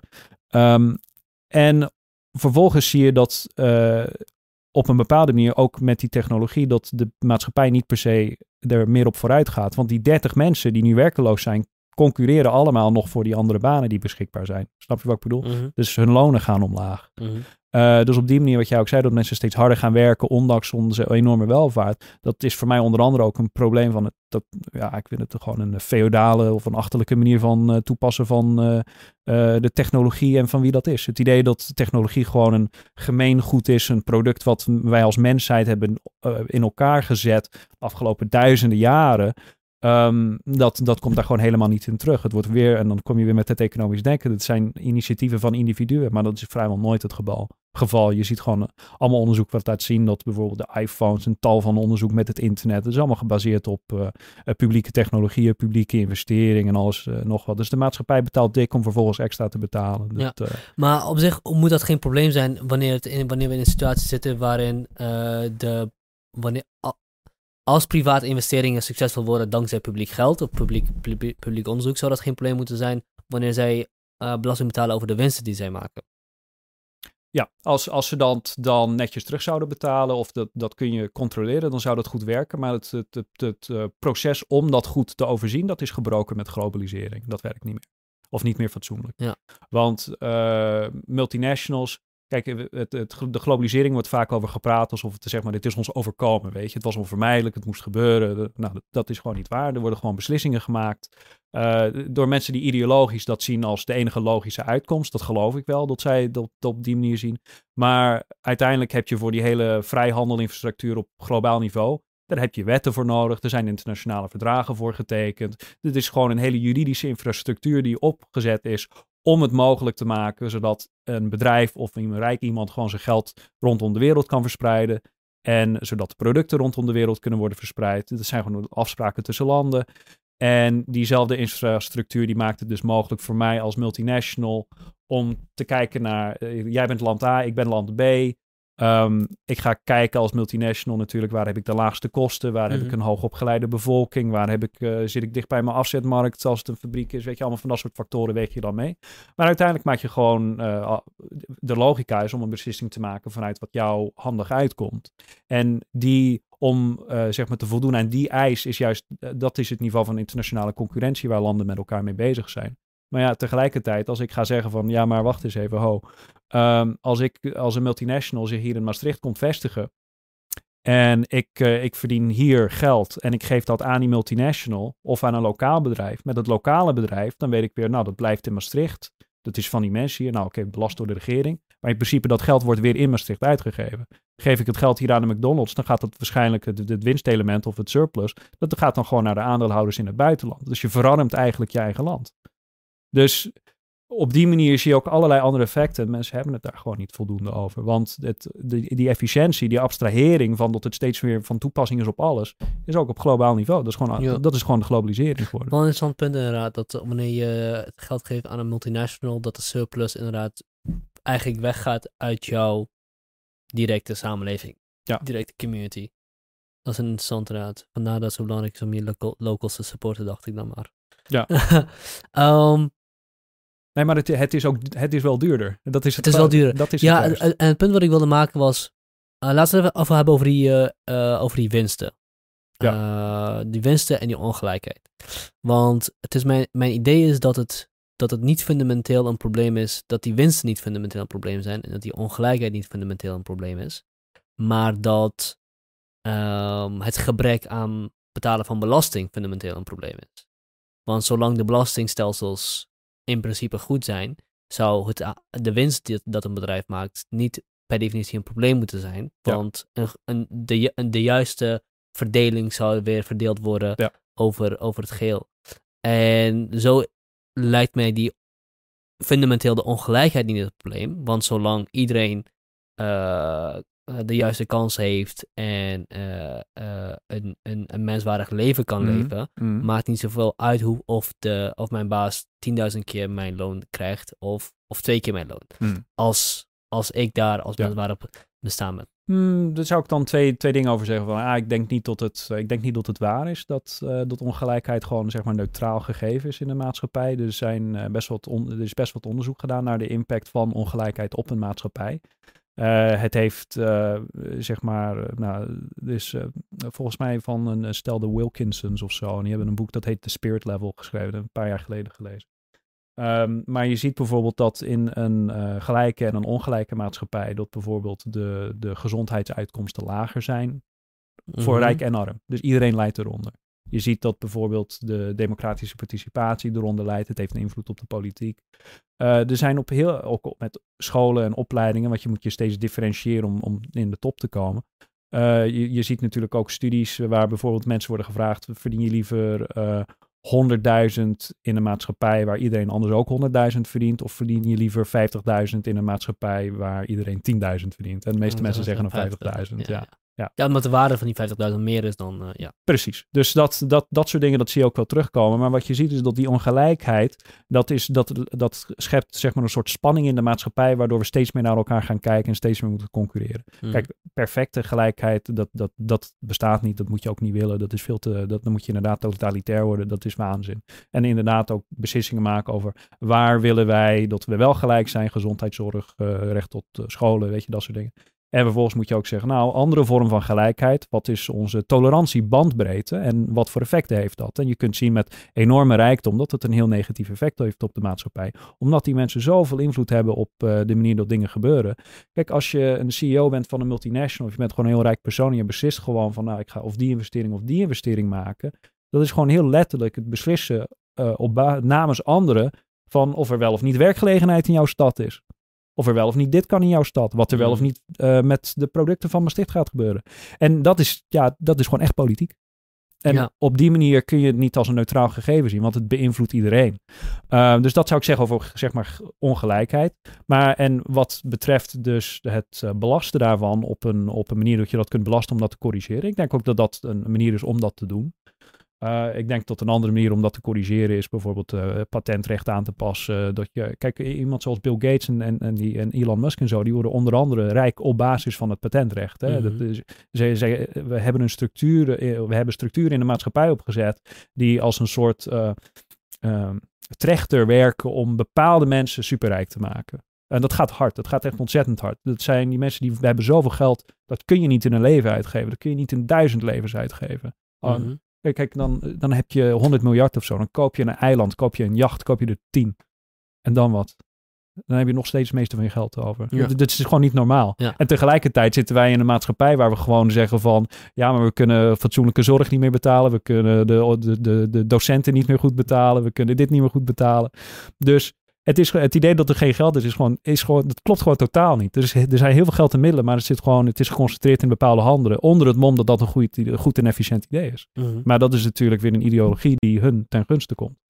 Um, wat ook een uh, belangrijk punt is voor, het voor de belasting, is kijk, er wordt dus, uh, dit is ook een van mijn kritieken op het ondernemingsrecht, uh, breed genomen er wordt dus gekeken naar die multinational of de, of de corporation. Uh, en je hebt natuurlijk varianten zoals kleine, zo'n gekke, gek, uh, zo'n eenmans corporation of zo, of een letterbox. Daar ga ik nu even niet op in.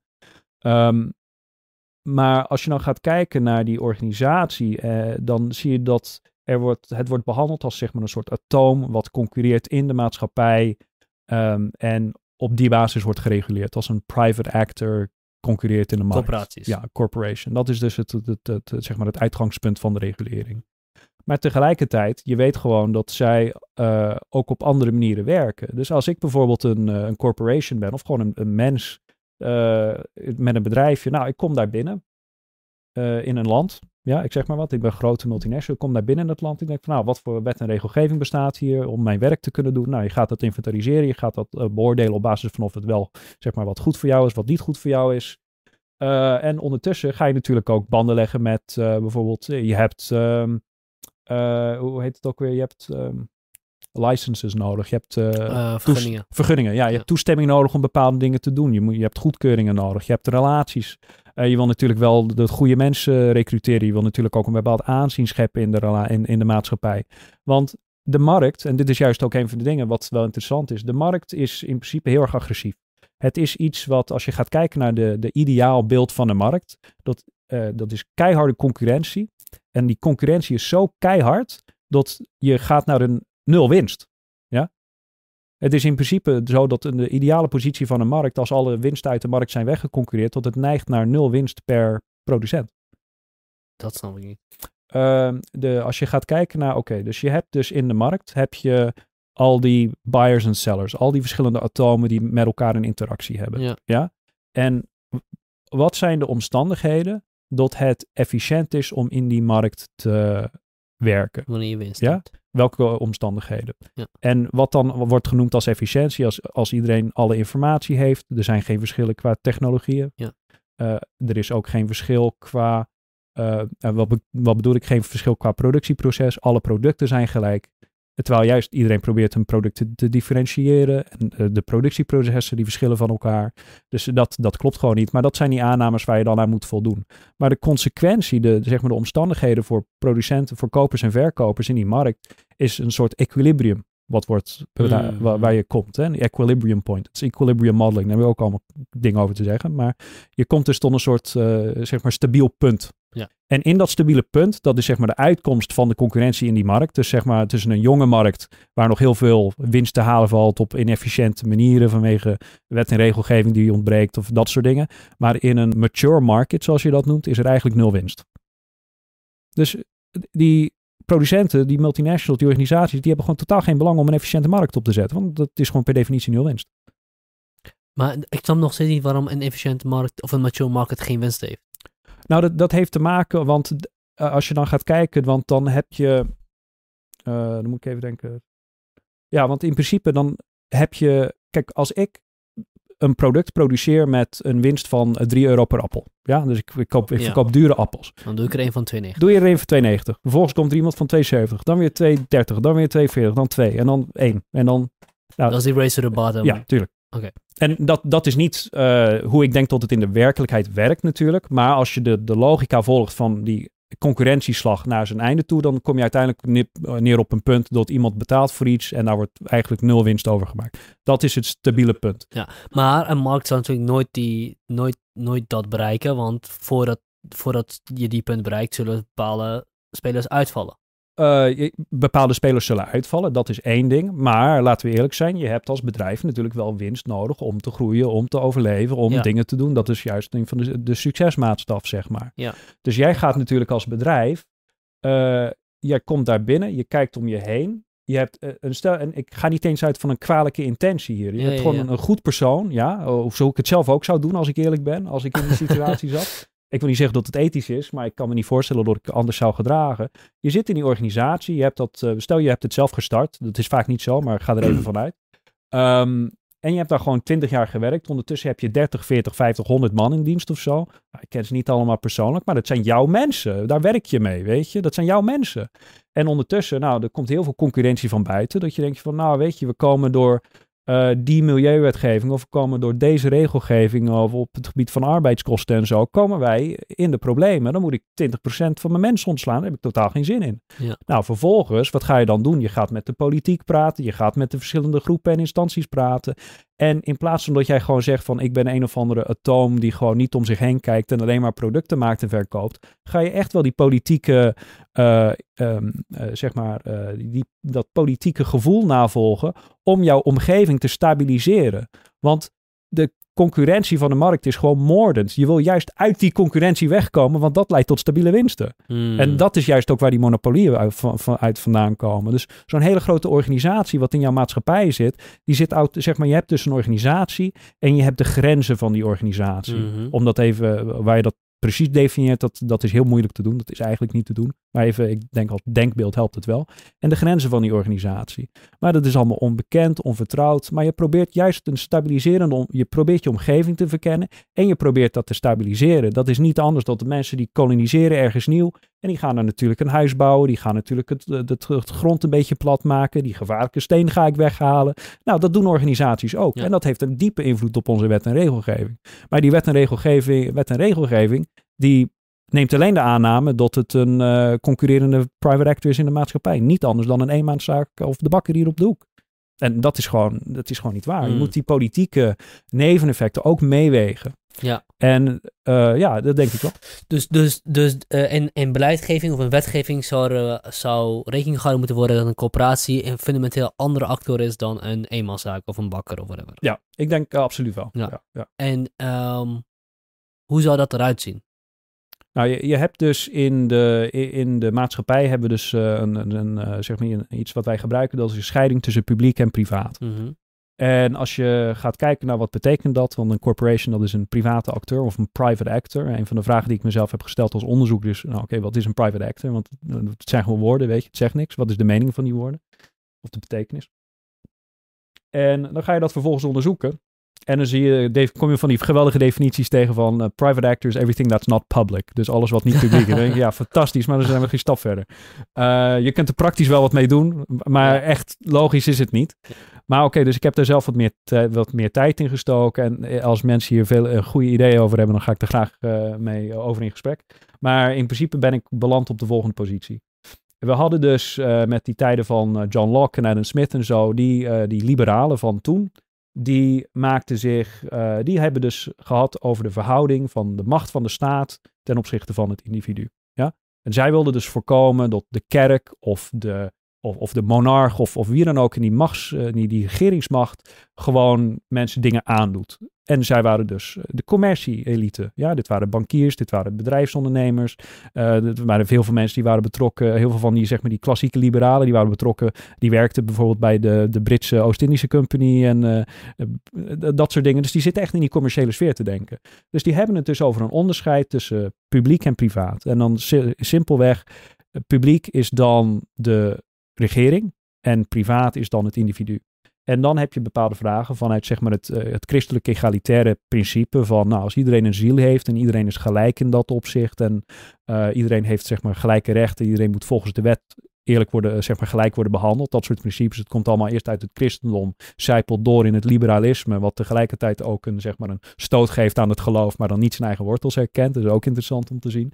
Um, en bepaalde vragen van bijvoorbeeld, uh, oké, wij zijn hier met een groep van tien en wij kiezen jou als onze vertegenwoordiger, als de volksvertegenwoordiger. Maar stel vervolgens dat jij dan die functie gebruikt om jezelf te verrijken of om illegale praktijken uit te voeren waar, of dingen gewoon doet waar wij het niet mee eens waren. Um, ben jij dan nog wel binnen zeg maar, de scope van jouw macht aan het functioneren? Of wat houdt dat in? Weet je, om daarover te filosoferen, dat is zeg maar hoe je tot een soort balans komt tussen de eh, de staat, die, het publieke dan, wat enerzijds um, uh, een, beperkt moet worden, zodat het niet te machtig wordt over de bevolking en alles gaat bepalen. Dus dat is een terechte zorg. Maar anderzijds heeft de staat een andere verantwoordelijkheid. Tot al die individuen die met elkaar bezig zijn, dat die elkaar ook niet gaan schaden. Dus ik kan niet zomaar, eh, ik, ik noem wat, ik kan het hier niet zomaar in een uh, cocaïnefabriek veranderen, anders gaan mijn buren klagen, weet je, dat, dat soort dingen. Dus overlast, hè. Dus ook tussen private partijen moet je, uh, zeg maar ook gewoon tussen individuen, moet je wet en regelgeving opzetten om dingen te kunnen voorkomen. Dus die staat moet enerzijds uh, niet te machtig zijn, maar anderzijds wel macht hebben om bepaalde dingen te doen. Mm -hmm. En de, daar zit een nuancering tussen. Maar heel die discussie werd alleen gevoerd over staten en individuen. En als je dan gaat kijken naar zo'n grote multinational of, of, uh, of een organisatie, dat is niet echt een individu. Dat is een bureaucratie, er zitten hele structuren achter. Psychologisch zie je dat mensen zich anders gedragen in organisaties dan uh, thuis op de bank. Uh, dus mensen die hebben gewoon niet hetzelfde gedrag als een individu als dat ze in een werk zitten. Nou, je weet ook hoe dat is met zelfcensurering. Je moet luisteren naar je mm -hmm. baas, weet je, allemaal mm -hmm. dat soort dingen. Um, maar wat er is gebeurd is, we hadden dus, eh, er is wel meer over te zeggen, maar dat is een beetje, dan wordt het te lang denk ik. Maar met publiek en privaat, dan heb je zeg maar een maatschappij onderverdeeld in katten en honden. Maar dan komen er andere dingen op, zoals een grote corporation. En je denkt van, nou weet je, het is heel groot. Het heeft zeg maar uh, een invloed op de maatschappij. Er worden beslissingen gemaakt over wat, uh, zeg maar, waar werkgelegenheid wordt gecreëerd en zo. Dat zijn eigenlijk publieke taken. Dus daar moet een publieke verantwoording voor komen. Dus mensen die reputeren, die zeggen, it's a public entity. Het is het publiek. Dat moet de onderneming zijn. Andere mensen die zeggen vervolgens, ja, maar luister eens even. Het zijn individuen die daar zitten. Het is individueel initiatief. Mensen die zijn daar voor zichzelf bezig. En het zijn relaties tussen individuen. Eh, dus de regering moet zich daar vooral niet mee bemoeien. Nou, dat is even de, zwart-wit posities aan beide kanten. En daartussenin heb je van alles. Maar wel binnen dat spectrum van publiek, uh, zeg maar, private rechten en publieke verantwoordelijkheden. Maar die heel die discussie was tussen de staat en het individu. En de staat was dus een vertegenwoordiger, of zeg maar een soort vertegenwoordiging van al die individuen, waarvan wij uitgaan dat zij allemaal gelijk zijn. Ja? In een multinational is dat echt niet zo. Je bent niet gelijk. Ja? De mensen die zeggenschap hebben, die zitten in de top van het management en dat zijn de aandeelhouders. Ja. Ja? Dus het is geen egalitair beginsel qua opzet. Terwijl de staat en de individu in hun verhouding tot elkaar dat wel hebben. Dus als je zegt dat het publiek is, het heeft heel het egalitair sentiment niet. Dus het is een verwatering van je categorie. Hetzelfde als je zegt het is privaat. Wat bedoel je met verwatering van je categorie? Um, uh, in de zin van. Um, Ja, ik, ik, ik, ik kom daar zo op terug. Ik, denk dat het, ik denk dat het duidelijker wordt. Ehm, en als je gaat kijken naar dat private met het uh, individu, dan heb je, uh, dat zijn personen die, uh, en dan, als je dan weer terug gaat kijken naar die kern, wat is dan een private individual? Nou, dat is een persoon die maakt een beslissing. Als het een goede beslissing is geweest, net zoals in, goed in de ogen van God, maar dan meer in een letterlijke zin, dan krijgen ze daar uh, profijt van. Als het een slechte beslissing is, dan krijgen ze straf. Of liabilities, of geld, of crimineel, of wat dan ook. Mensen die hebben dus een soort rationaliteit, die maken beslissingen en op basis daarvan worden zij beloond of gestraft. Dat is zeg maar de morele kern van het liberalisme en, en de, de, de kern van ons uh, uh, juridisch stelsel. Maar in die multinational, of die organisatie weer, en dit is niet alleen in een, in een multinational, maar steeds meer in een grotere organisatie, iedere bureaucratie en hiërarchie, dus ook in ministeries, ook op universiteiten, et cetera, gewoon een grote organisatie. Uh, wat je dan ziet is dat mensen die dan in die organisatie worden geplaatst, die nemen dan namens de organisatie een beslissing. Ja? Nou, die worden daar niet echt direct op aangesproken als zij dat namens de organisatie doen. Dus ze zijn dan niet zelf verantwoordelijk voor wat er uiteindelijk gebeurt. Op dezelfde manier, die organisatie is geen mens van vlees en bloed, heeft geen bewustzijn. Het is een abstractie, het is een sociaal construct. Dus die mensen die handelen vanuit de gedachte van, nou, wat moet ik doen om die organisatie te vertegenwoordigen, zonder weten wat echt, wat wil die organisatie? Nou, dat is een absurde vraag, want een organisatie wil niks. Dat heeft geen bewustzijn. Um, maar is het dan, is het dan een private actor? Snap je? Want dan mhm. is het gewoon niet dat ene natuurlijke persoon die een beslissing maakt waarvoor die verantwoordelijk wordt gehouden of wordt gestraft. Want met multinationals, met limited liability of beperkte aansprakelijkheid, zie je juist dat dit soort uh, zeg maar verantwoordelijkheidsbanden worden doorgeknipt. Dus ik zeg van eigenlijk, en dit, dan kom ik hiermee terug op die verwatering. Je hebt dus het publieke egalitair uh, beginsel van iedereen heeft een gelijke stem in het publieke, zeg maar, democratisch principe. Private is dus gewoon het persoon, één persoon als natuurlijk persoon die die beslissingen maakt op zichzelf en dan gewoon één persoon. Um, en daarnaast heb je dus een organisatie die andere dingen doet. Gewoon, die komt niet qua zijn, uh, qua zijn opbouw of zijn theoretische constructie, komt niet overeen met het individu. En ik denk dat de verwatering is dat wij hebben dus staten en individuen, private en public en private, gemaakt. Maar vervolgens zijn er andere dingen bijgekomen. Dus als we het hebben over katten en honden en er komt wat anders en we zeggen, nou weet je, het heeft een, uh, een uh, ja, ik weet het niet, de neus van een hond of zo. En dan zeggen we, nou oké, maar het heeft de staat van een kat. Dus waar moeten we dit nou plaatsen? En dan willen ze dat in dat spectrum kwijt. Ja, ja, ja, ja. Maar je moet gewoon erkennen, dat is gewoon een ander soort ding. En dat moet je op een andere manier, wellicht geïnspireerd door publieke en private principes, dat kan wel. Maar het is een, gewoon een ander ding. En dat moet je zo reguleren. Maar wat is het? En wat, is het, ja, wat is het andere ding? Uh, en ik denk, dan moet je erkennen, het, kijk, het, het verschil is ook, kijk, zo'n organisatie, dat is een sociaal construct. In mijn ogen is het gewoon een tool, uh, een, een, soort middel, een, een, een gereedschap wat wij uh, als juristen hebben opgezet om bepaalde dingen te kunnen bereiken. Ja? En dingen die, en als je dan hebt over bijvoorbeeld een, een separate legal personality of uh, zodat het een juridische persoonlijkheid heeft, zodat het contracten kan tekenen en zich kan bewegen in de maatschappij. Het is gewoon een spook, hè? Dat, dat, maar het kan wel. Dus het is gewoon iets wat je opzet en toestaat in jouw maatschappij om een beoogd doeleinden te bereiken. En dat doeleinden, dat moet natuurlijk zijn het openbaar belang. Daar is iedereen het wel over eens. Als die corporations niet, uh, zeg maar, in dienst zijn van het openbare belang, dan, dan dienen ze. Dan, dan, waarom heb je die? Dan zijn het gewoon ziektes van de maatschappij. Maar het probleem wat wordt gemaakt is als we het hebben over de regulering van die andersoortige dingen, wordt er altijd verwezen naar die oudere categorisering. Dus het is een individu en het heeft bepaalde rechten. Of het heeft een publieke obligatie en het moet dit en dit doen. Dus je zit eigenlijk gewoon verkeerde categorieën te gebruiken om iets uit te leggen. Dus we zitten gewoon um, ja, in, analytisch in de war. Ja, maar welke categorie moeten we gebruiken dan? Dus Als, moet er een nieuwe categorie komen? Moet... Ja, ik, ik denk van wel. Mijn, mijn argument zou zijn een soort organizational law. Dus een wetgeving uh, gericht op organisaties.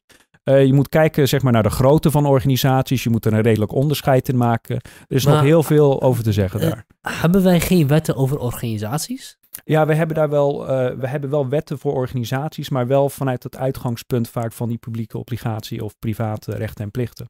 En heel vaak dan zie je dat er bepaalde stappen worden genomen om zeg maar een bepaald probleem op, uh, aan te pakken. dus dan zou ik zeggen dat zijn uh, wetgeving waar ik dan voor zou pleiten. Maar dat valt dan niet binnen een bredere theoretische kader van erkenning van oké, we moeten dat uh, reguleren op die andere manier, want het is gewoon een ander soort ding. Dus, dus grote corporaties worden op dit moment gezien, net zoals individuen worden gezien bij wet. Uh, in heel veel aspecten wel, ja. Oké. Okay. En welke aspecten dat niet? Uh, nou, ze zijn onsterfelijk bijvoorbeeld. Uh, en ze moeten door de wet worden in elkaar gezet. Um, ja, en als je gaat kijken naar de banken, die hebben speciale wet en regelgeving. Want je kan niet zomaar een bank worden om geld uit te ja, lenen. Ja, dus, ja, weet je, dus er zijn absoluut wel. je, er zijn onderscheiden die worden gemaakt. Dat, dat herken ik wel. Dus, zo zijn er ook bijvoorbeeld verschillende ondernemingsvormen die, die worden gemaakt. Dat herken ik ook wel. Maar het debat van de verhouding van die organisatie tot individuen en tot de staat, dat wordt in verkeerde kaders besproken. En dat, dat is eigenlijk het probleem wat ik, uh, wat ik, wat ik toe wil lichten. Ja, ja. En ik denk dat, dat, ja, ik denk dat je dat beter gewoon op een, uh, ja, op een aparte manier. Dat je in plaats van dat we zeg maar met publiek en privaat zetten, dat we gewoon publiek, privaat en organisatie. En uh, wat interessant is ook van die organisatie, is kijk, je hebt dus de, de, de, de, het publieke, de zorg daar zo. Dat had te maken met die machtsverhouding en representativiteit ten opzichte van die individuen die dan de bevolking uitmaken. Ja? Dus hoe waarborg je die balans? Maar als je dan gaat kijken naar die organisatie, uh, of die, die organizational law, daar spelen ook andere zorgen, zoals de hiërarchie of bijvoorbeeld um, uh, de bureaucratie. Dat heeft een invloed op menselijk gedrag. En op die manier uh, denk ik dat je bijvoorbeeld kunt stellen dat um, als je gaat kijken naar Enron, ja, die hadden dus een eh, zeer agressief HR-beleid. Eh, en wat ze daarin deden is, ik vergeet even de exacte cijfers, maar het was iets in de zin van de slechtste 15 of 20 procent presterende mensen. En dan werd de prestatie was eigenlijk alleen maar geld maken voor het jaar. Die werden gewoon ontslagen of eigenlijk in een restgroep gezet, wat de facto ontslag was. En vervolgens kregen ze geen werk meer. Maar als de 20% van die medewerkers wordt ontslagen ieder jaar, dan heb je een resultaat dat die mensen zijn niet loyaal naar de organisatie. En ook dat ontslag, dat had niets te maken met de, de feiten op de grond. Het waren heel veel mensen, de financial traders, zeg maar. En stel je zit op een markt wat nu enorm wordt beïnvloed door het coronavirus en gewoon in elkaar stort. En iemand anders zit op een markt wat daar gewoon niks mee van doen heeft.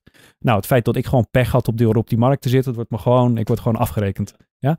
Dus dat soort HR-beleid. Dus die mensen hadden geen loyaliteit naar de organisatie, geen loyaliteit naar elkaar toe. En het was heel destructief. En dit, soort dingen hebben ook geleid naar de val van Enron en alle kosten van dien.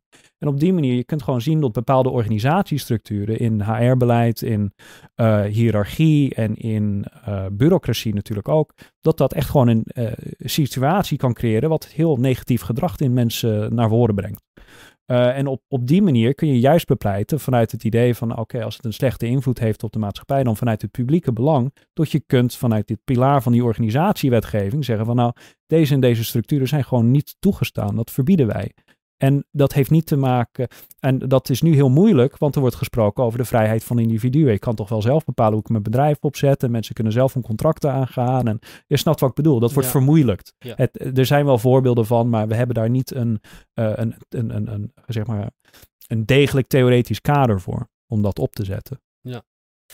Dat is interessant. Uh, daar, zo had ik het nooit bekeken. Dat inderdaad, dat je, want uh, ik, ik, vond het inderdaad altijd uh, opvallend dat, zeker als je managementboeken leest of zoiets, of, of bijvoorbeeld leest over de heel duidelijke hiërarchie in management, of in, in, in, in, grote corporaties. En zelfs ook dat uh, dat, dat soms verschillende afdelingen niks over elkaar kunnen zeggen, omdat dat niet kan. Dat moet via de hoog, hogere manager gaan en omlaag, want ja. de hiërarchie. Dus dat in die opzicht veel meer lijkt soms op een militaire, uh, militaire hiërarchie dan op uh, weet niet, een onderneming van mensen die met elkaar in gesprek zijn. Ja, ja. Dus, um, maar ik had er nooit over nagedacht inderdaad dat dat, dat, dat dus kan, omdat, en niet dat ik zeg dat dat per se negatief is, dat ik, ja, wederom inderdaad, uiteindelijk is het wel, je kan wel je eigen bedrijf in elkaar zetten. Dus, dus is het ook wel wenselijk dat je als, als, als overheid zou kunnen bepalen hoe een organisatie zijn hiërarchie instelt. Nou, ik, ik, in deze zin blijf ik op zich wel liberaal. Ik denk dat je moet beginnen van het startpunt van nou, mensen mogen doen en laten wat ze willen. Weet je? Dat ze in principe gewoon moeten kijken wat, wat ze willen opzetten.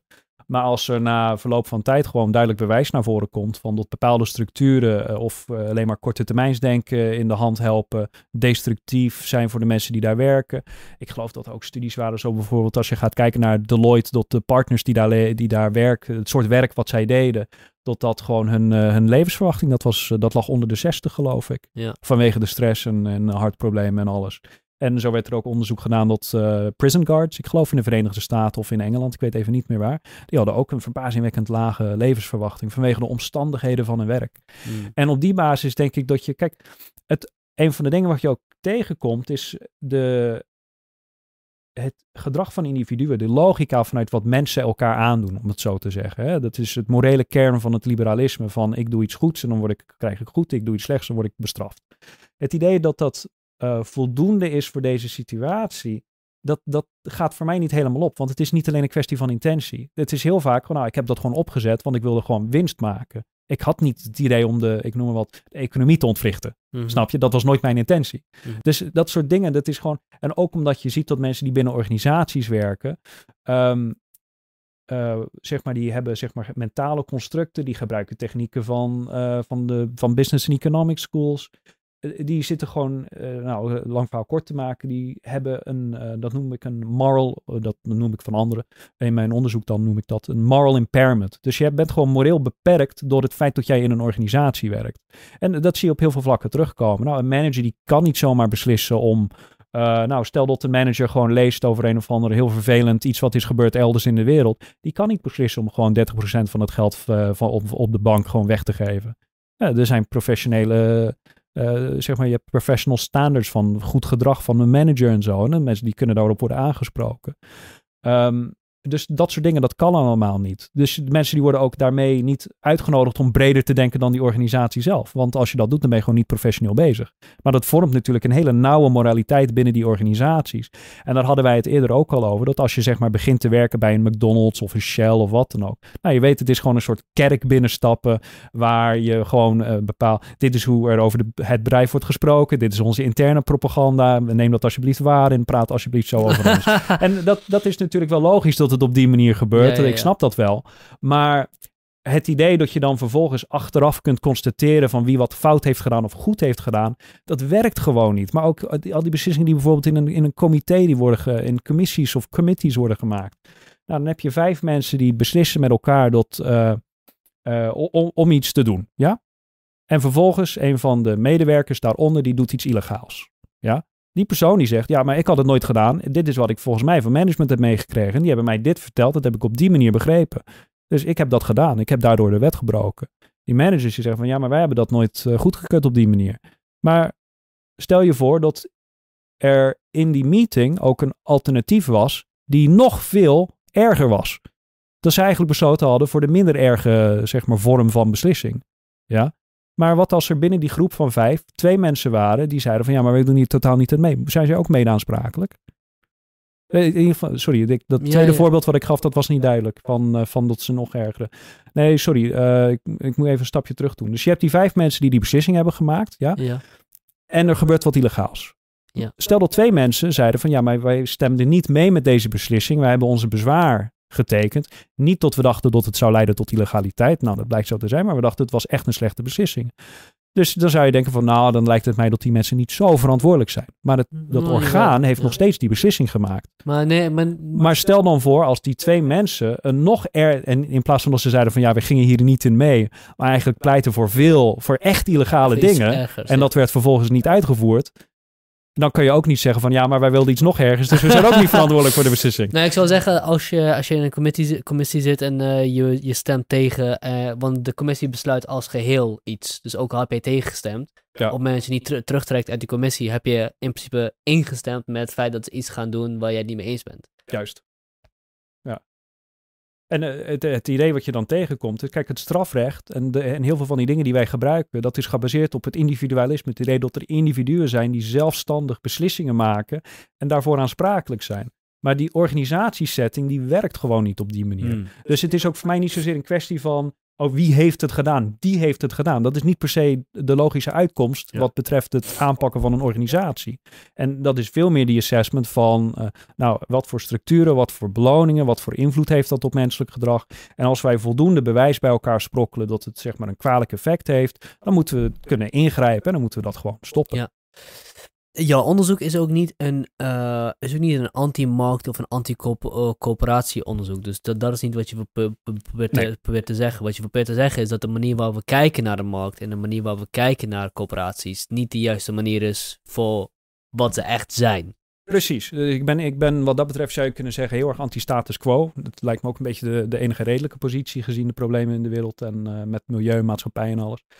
Um, maar ik ben niet per se tegen de corporation. Er zijn, dit is gewoon een, uh, dit is hetzelfde. Dat is gewoon net als een soort hamer, weet je. Dat kun je op tien verschillende manieren inzetten. Ik ben erop tegen dat iemand dat tegen iemands hoofd wordt gebruikt, maar niet tegen een spijker in de muur. Um, maar ja, vervolgens, wat je ziet, waar, gebruiken die, waar worden die organisaties voor gebruikt en hoe worden ze toegepast? En dan moeten we wel zeggen van ja, maar we moeten dat aan banden leggen als het tot problemen leidt. En natuurlijk moet je dat nuanceren, dat moet besproken worden, dat moet eerlijk zijn. Hè? Het is niet zo van alles of niets of alleen deze organisatie mag je hebben. Nee, totaal niet. Dat is ook niet wat ik, uh, wat ik zeg dat logisch is. Maar je hebt gewoon een, een theoretisch coherente manier van ingrijpen nodig om die balans tussen organisaties en mensen en de staat weer te waarborgen. Want uh, dat is ook een van de dingen wat ik opmerkelijk vind binnen onze maatschappij, waar we het zo hebben over het individualisme en alles. Maar anderzijds is de werkelijkheid gewoon dat we worden totaal gedomineerd door organisaties, bureaucratie en hiërarchie aan alle kanten. En het idee dat we hier dan eh, als individuen overal Protocollen, databases. Ja, ik weet het. Probeer maar eens iets te doen. Probeer maar eens een vraag te stellen aan een ambtenaar uh, die niet past binnen de protocollen wat hij heeft. Probeer maar, dan, dan krijg je een hele huis. Je kent het. Gewoon, ja, ik ken het. En... Nee, inderdaad. Er zitten ja, databases, protocollen. Uh, uh, daar zijn we heel erg slaaf van geworden. Ja, slaaf. We moeten, we moeten de realiteit daarna, daarna schikken, want anders ja. kunnen we er niet mee werken. Ja. En ik zie het ook een beetje als een, als een fundamenteel probleem. Uh, er, wordt natuurlijk gesproken over het verlies van. Um, nee, sorry, even denken. Ja, het verlies van privacy en alles wat we tegenwoordig meemaken. Maar dat verlies van privacy, dat, dat, dat moet je altijd een beetje nuanceren. Uh, ik, ik, ik, ben sowieso, vind ik het belachelijk wat er nu gebeurt met uh, Facebook en, en alles, dat dat, dat dat niet werkt. Maar je moet niet keihard in een andere richting gaan springen. Want als je gaat kijken naar de, naar de geschiedenis van de moderne staat en de bureaucratie en alles. Uh, als je dan gaat kijken naar uh, Napoleon, die is dan zeg maar Nederland binnengevallen. Die heeft gezegd, nou iedereen moet een tweede naam hebben. Want daarvoor was het zo van, dat even abstract voorbeeld te geven. stel ik woonde daar in een dorp, ik heette Jan. Nou, daar is nog een Jan, daar was nog een Jan. Uh, en uh, in dat andere dorp waren ook nog tien Jannen. Dus iedereen heette Jan, niemand had een achternaam. En jij wil vanuit de centrale organisatie kunnen bepalen van oké, wie heeft belasting betaald en wie niet. Nou, als iedereen zichzelf Jan, Jan van de Fiets gaat noemen, dan kom je nergens natuurlijk. Dus je moet gewoon, oké, jij hebt een tweede naam nodig, jij hebt een tweede naam. Of een nummer, een PSN-nummer of zoiets. En op die manier verliezen mensen hun privacy, hun anonimiteit wordt weggenomen. Um, en worden ze zichtbaar voor die spreadsheets en organisatie-instrumenten. Ja? Dus je ziet dat de eisen van de efficiëntie van die spreadsheets en alles, die vervormen de werkelijkheid.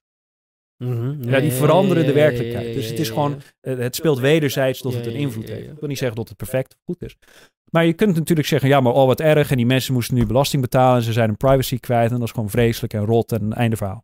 Maar het is genuanceerder, want een van de dingen wat we daar natuurlijk ook van hebben gekregen, is een, een fatsoenlijk wegennetwerk, postnetwerken wat je kunt opzetten. Mensen hebben postadressen, dat heeft heel veel efficiëntieverbeteringen gegeven. Uh, ook als het gaat om het opzetten van gewoon de infrastructuur voor, voor water, voor gas, voor al dat soort dingen. Het feit dat mensen niet meer zo anoniem zijn, heeft ook tot allerlei voordelen geleid. Um, dus dat is ook weer zo'n punt wat je moet balanceren. Maar zo zie je dat de organisatie als abstractie, omdat je, als ik iets voor een organisatie doe, voor mijn werkgever, ik kan niet naar Shell gaan en zeggen van, hey Shell, hoe moet dit? Ik moet, het altijd, ik moet altijd zelf met een bepaald idee of theorie komen. En dat doen de managers helemaal aan de top ook natuurlijk. Die geven een persoonlijke invulling in combinatie met wat er cultuur geaccepteerd is of uh, lessen die worden gegeven of misschien zelfs een persoonlijke theorie als ze veel invloed hebben of starters of start-ups zijn. Um, die uh, komen zeg maar tot een soort mengelmoes van concepten en ideeën om uiteindelijk in de praktijk te zeggen, oké, dit is wat Shell wil. Ja, maar in die representatie, de, de manier waarop beslissingen worden gedaan namens die organisatie, is het bij elkaar halen van al die cijfers en feiten. Bijvoorbeeld, dit is uh, de prijs van olie, dit is waar ik het kan verkopen, uh, dit zijn mijn medewerkers, dit, is de kosten, dit zijn de kosten. Of gewoon, dit zijn de namen, dit zijn de postadressen vanuit de regeringskant dan. Uh, hun inkomens, hun demografiek, weet je, op basis van al die informatie. En op basis van die informatie wordt gehandeld naar de maatschappij toe. Ja? En organisaties die, die hebben dit van nature. En dat is een proces wat enerzijds uh, kan leiden tot privacy schendingen, dictatuur, surveillance en van alles nog wat. Maar ook tot hele mooie dingen. En dat is gewoon net zoals je kunt niet voor eens en altijd de balans tussen de staat en de bevolking waarborgen. Je hebt er geen perfecte regel voor. Dat is altijd een politieke strijd. Dat is dit ook. De relatie tussen de organisatie en de bevolking en de regering is ook altijd een strijd. En dat is juist ook waarom ik zou zeggen, secuur dat dan als, uh, erken dat dan als strijd en baseer dat dan in een gegronde wetgeving uh, met iets wat een erkenning geeft van dat concept, als uh, zeg maar die organisaties, al die spreadsheets en zo, zijn gewoon middelen die wij hebben ingezet om bepaalde resultaten te bereiken. Maar ga daar zorgvuldig mee om en erken dat ook op die manier, ook al werken daar mensen in. Snap je? Mm -hmm. En dat, -hmm. dat is een beetje hoe ik, hoe ik dat ook zie. Ja. Super interessant. Ik hoop, uh, ik hoop dat, uh, dat het onderzoek wat je gedaan hebt uh, effect gaat hebben. want ik denk dat het inderdaad belangrijk is dat de organisaties op een andere manier gaan zien dan alleen maar een collectie van individuen. en dat heeft denk ik ook te maken met, mm, met de systems change die jullie beogen met Extinction Rebellion. Alhoewel ik me afvraag of dit daarin hoe verhouden, is de, hoe, hoe verhoudt de activist en de academicus tot, tot ja. elkaar? Ja, ik, ja dat, dat, uh, dat, is een hele goede vraag. Dat, uh, dat blijft altijd een beetje lastig. Want ik merk gewoon dat. Nou, het is, het is vooral lastig, want ik, ik sta niet per se altijd achter de dingen die ik, uh, die ik zie gebeuren met andere activisten. Niet in de zin van ik ben er helemaal op tegen, maar dat ik denk van ja, is dat nodig of heeft dat effect? Dan denk ik ja, nou oké, okay, dan doe je het, maar waar doe je het voor?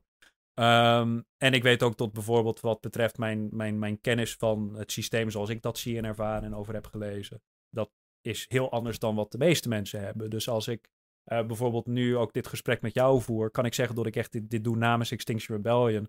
Denk ik, nou, nee, want ik heb er gewoon echt een uitgesproken mening hierover. En ik denk ook dat dat gezond is om dat op die manier te doen. Ik ga niet pretenderen wat al die andere mensen zeggen en doen. Uh, maar ja, wat dat inhoudt voor de balans. Kijk, voor mij is het, uh, voor mij is het redelijk eenvoudig. Ik, heb, uh, ik ben dus begonnen.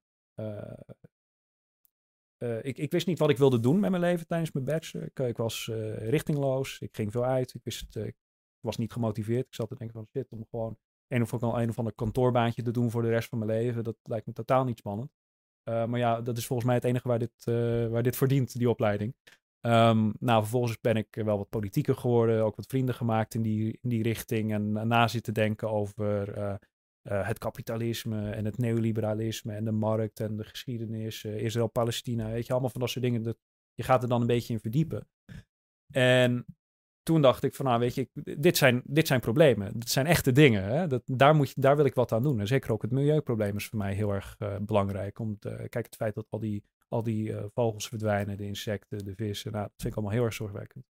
Uh, gewoon ook voor ons bestaan als, als diersoort en gewoon het bestaan van uh, onze maatschappij zoals wij dat kennen. Dat, dat is echt in het geding op een gegeven moment. Um, dus mijn motivatie is, waar denk ik dat ik de meeste impact kan hebben op het verbeteren van deze problemen.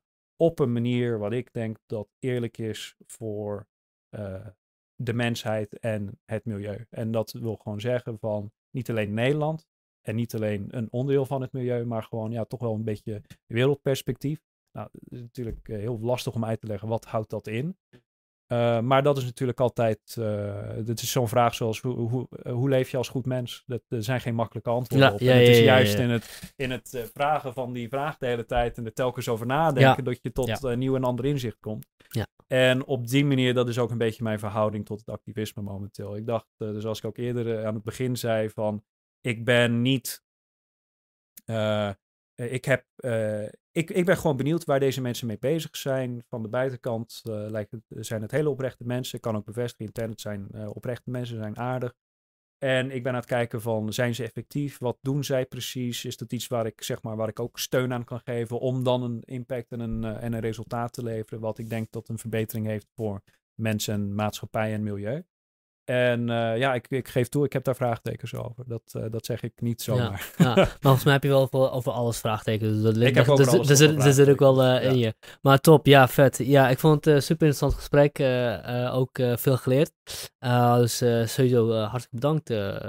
en misschien kunnen we het over een aantal jaar nog een keer doen. Ja, graag gedaan. als je een postdoc gaat doen of een, of een whatever. Ja.